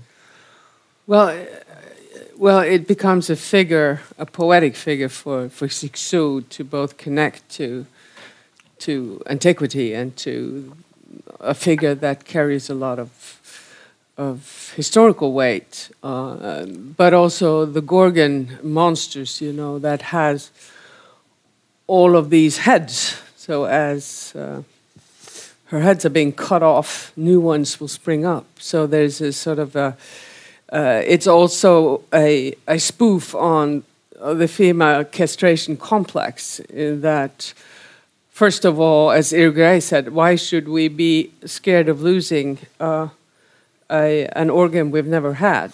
Uh, so um, it's, uh, but in, in the, in the Cixousian uh, poetic uh, rewriting of that myth, uh, it has both the political, um, it becomes a, a potent political figure because it is many-headed in, in, in that sense that that it, it will always spur new new ones as um, they're attempted to be cut off or castrated, and yet uh, so it's it's it's a it, it's a play on on on the castration complex, but it is also the notion that um, female sexuality, once it starts to manifest itself, uh, it becomes monstrous to the symbolic order because it will, in fact, not only laugh all its heads off, but, but it will um, create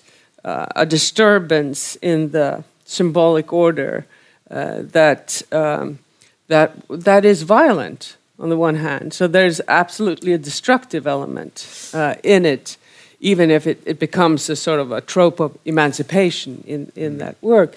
There's oh, the, the monster as such is both uh, that which for her is connected to the unconscious. Uh, that is, that um, uh, once once uh, the cracks will open, you know, these monstrous um, signifiers or whatever will will emerge. Yes. And the monster is also that what exposes itself to the gaze of the other. Yes, yes. Because it's what shows itself. That's what Yes. the monster means. And I would say that well, the, the, the Hydra monster image, Yeah. you would have a very good example of the way in which fantasy operates at the place where, well, you shouldn't be able to symbolize something. You sort of prop it up with a fantasy where you have the castration, where you have the cut, where you have sexual difference. You make this uh, this fantasy image of Yes. A creature that it was monstrous and it's protruding. It's creative in that uh, uh, almost earthly sense, and it is a combination of a feminine and a masculine figure. Yes, that's that that uh, sexual uh, vacillation between the feminine and the masculine is definitely present in the trope. Another aspect is that, according to the myth, Medusa was actually killed by by the reflection in um, the shield. Uh, yeah, his shield. Um, who was it? You remember his name? Um, anyway, so it is the mimetic uh, the, the logic of mimesis that actually killed uh, Medusa. Um, and uh, and uh, in that sense, it's also a take on the representational logic uh, as such. That this is within representational logic, this monster has uh, is not allowed to live. Uh, in a and that's sense. also the function of the myth. That exactly yes to kill. Hmm. Yes. Thank you. I'm sure that didn't answer your question, but that just. Yes, I, um, I have a question regarding. I don't know quite how to form, uh, formulate or put in words, but uh, I'll give it a give it a try. So uh, you were you were talking a bit about uh, you know the distinction between um, uh, you might say like uh, human society, culture, uh, norms, and so on, and uh, how um, uh, I was thinking like the idea that we have we have the uh, brains of reptile reptile brain, mammalian brain, and logical brain. Of course, this is all conceptual and probably just the neurons or what we have like uh, signposts for. But I was wondering, these probably as uh, all these uh, philosophers and Heidegger and um, which I am not quite knowledgeable of the differences between their opinions on this, but maybe you could elucidate a bit on it. Like the reptile brain uh, reticular activation system, the R RAS, how uh, these philosophers uh, differ or, or, their opinions on when we got, as humans, we, we developed language and we developed uh, uh, more symbolic or metaphorical ways of expressing and communicating.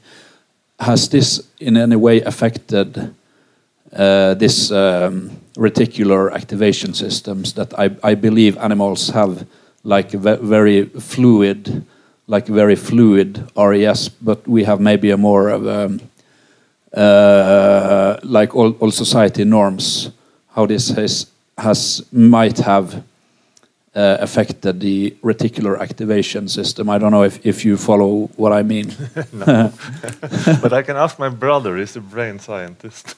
Okay. no, but of course Heidegger uh, is not uh, does not uh, of course, this, on, this is on, probably a, a, newer term, like in but yeah. but um, the idea that society.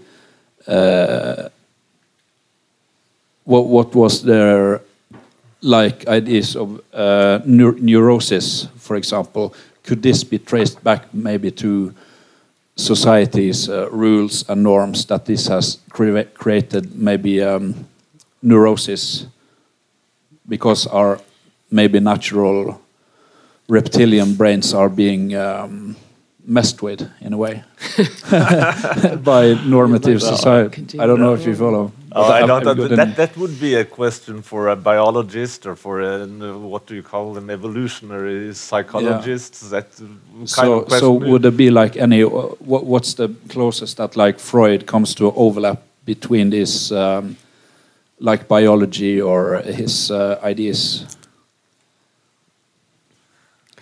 I'm not sure if I get the question uh, correctly. Of course, uh, yeah. Yeah, but those are created within language and yeah. in between persons. Well, Freud uh, stopped in the uh, 1880s uh, dissecting uh, animals and investigating their uh, nerve system, etc. And he started treating uh, symptoms in a different way. So, well, then those questions are sort of relegated to another field. Yeah. yeah. yeah.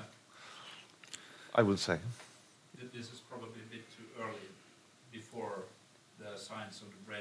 Yeah, yeah. yeah. So as you mentioned, it's kind of a newer field of studies. Yeah. Did you have a question or?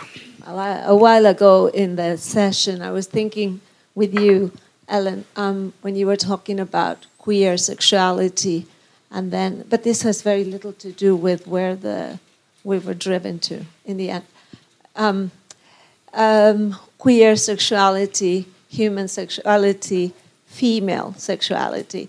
In Encore, in Seminar 20, there is an open question about female sexuality and the unruly of female sexuality, exactly because, as, um, as you were quoting um, Irigaray, um, why should we be afraid of losing something we've never had?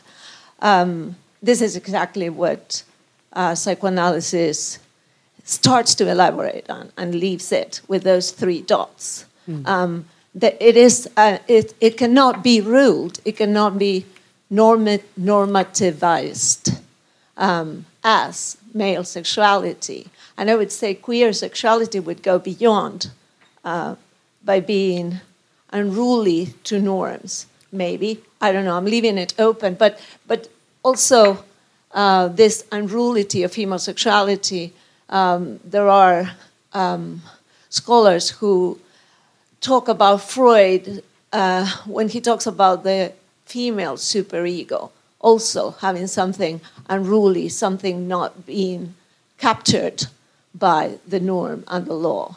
Um, it's a comment, it's a reflection, but hmm. I, th I, think uh, well, I think it could be tied with something that you were trying to say. Well, I think that this is part of what Irigaray takes issue with in in Lacan, is that um, that female sexuality becomes that which cannot be known. Um, even though, and, and it has a different status in relation to, to masculine uh, uh, sexuality, even though there, are, you know, the undecidabilities are there in both sexes. Uh, the masculine has a different relation to the phallus and to, to the, the, the, the symbolic order.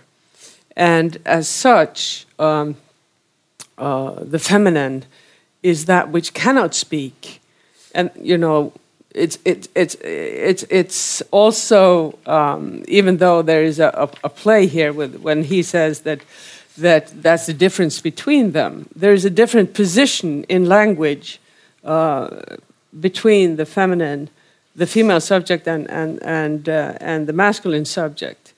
They are in you know this is you know this this is quite complicated in in, in Lacan, but feminine sexuality is on the one hand um, positioned as closer to jouissance, and yet it is that which cannot speak in language. So there is a a um, um, and and uh, what Irigaray's point is that even Lacan's notion of the masculine and the feminine, even in his projection of what uh, the phallic subject is, is a privileging of that which is um, that seems to appear, that which that there is a, a, a or or a, a privileging of that of, of, of, the masses, of the categorical, of that which, which may uh, appear as something. And, uh, and uh, in that sense, um, feminine sexuality has a different place or a no place. So, different logic. Yeah, well, the logic she would claim has been posited and inscribed by masculine libidinal economy. That's her that's her, her, her charge against, against um, Lacan. But, but everything could end up with your conclusion. It's the logic of the uniqueness, of the singularity, of the particular. So then we're all in those three dots. Well, in different ways. no. Did you have Let some others too. Yeah. yeah. I think this has to be the last uh, question for Just today. A small return to Gisle's dogs. Now, dogs are domestic animals. Mm? Uh, perhaps you remember how Lacan uh, spelled domestic. He spelled it with an H. Mm? So it's something to do with, uh, with the human, mm? Domestic animals. Um, I had a domestic animal but that was a cat, and it strongly resisted domestication. Mm. Now, you had a dog, uh, and you were talking about uh, the deficiencies of, of human beings in relation to animals. Uh, do, did you find that kind of deficiency in a dog that was domesticated, being too much human?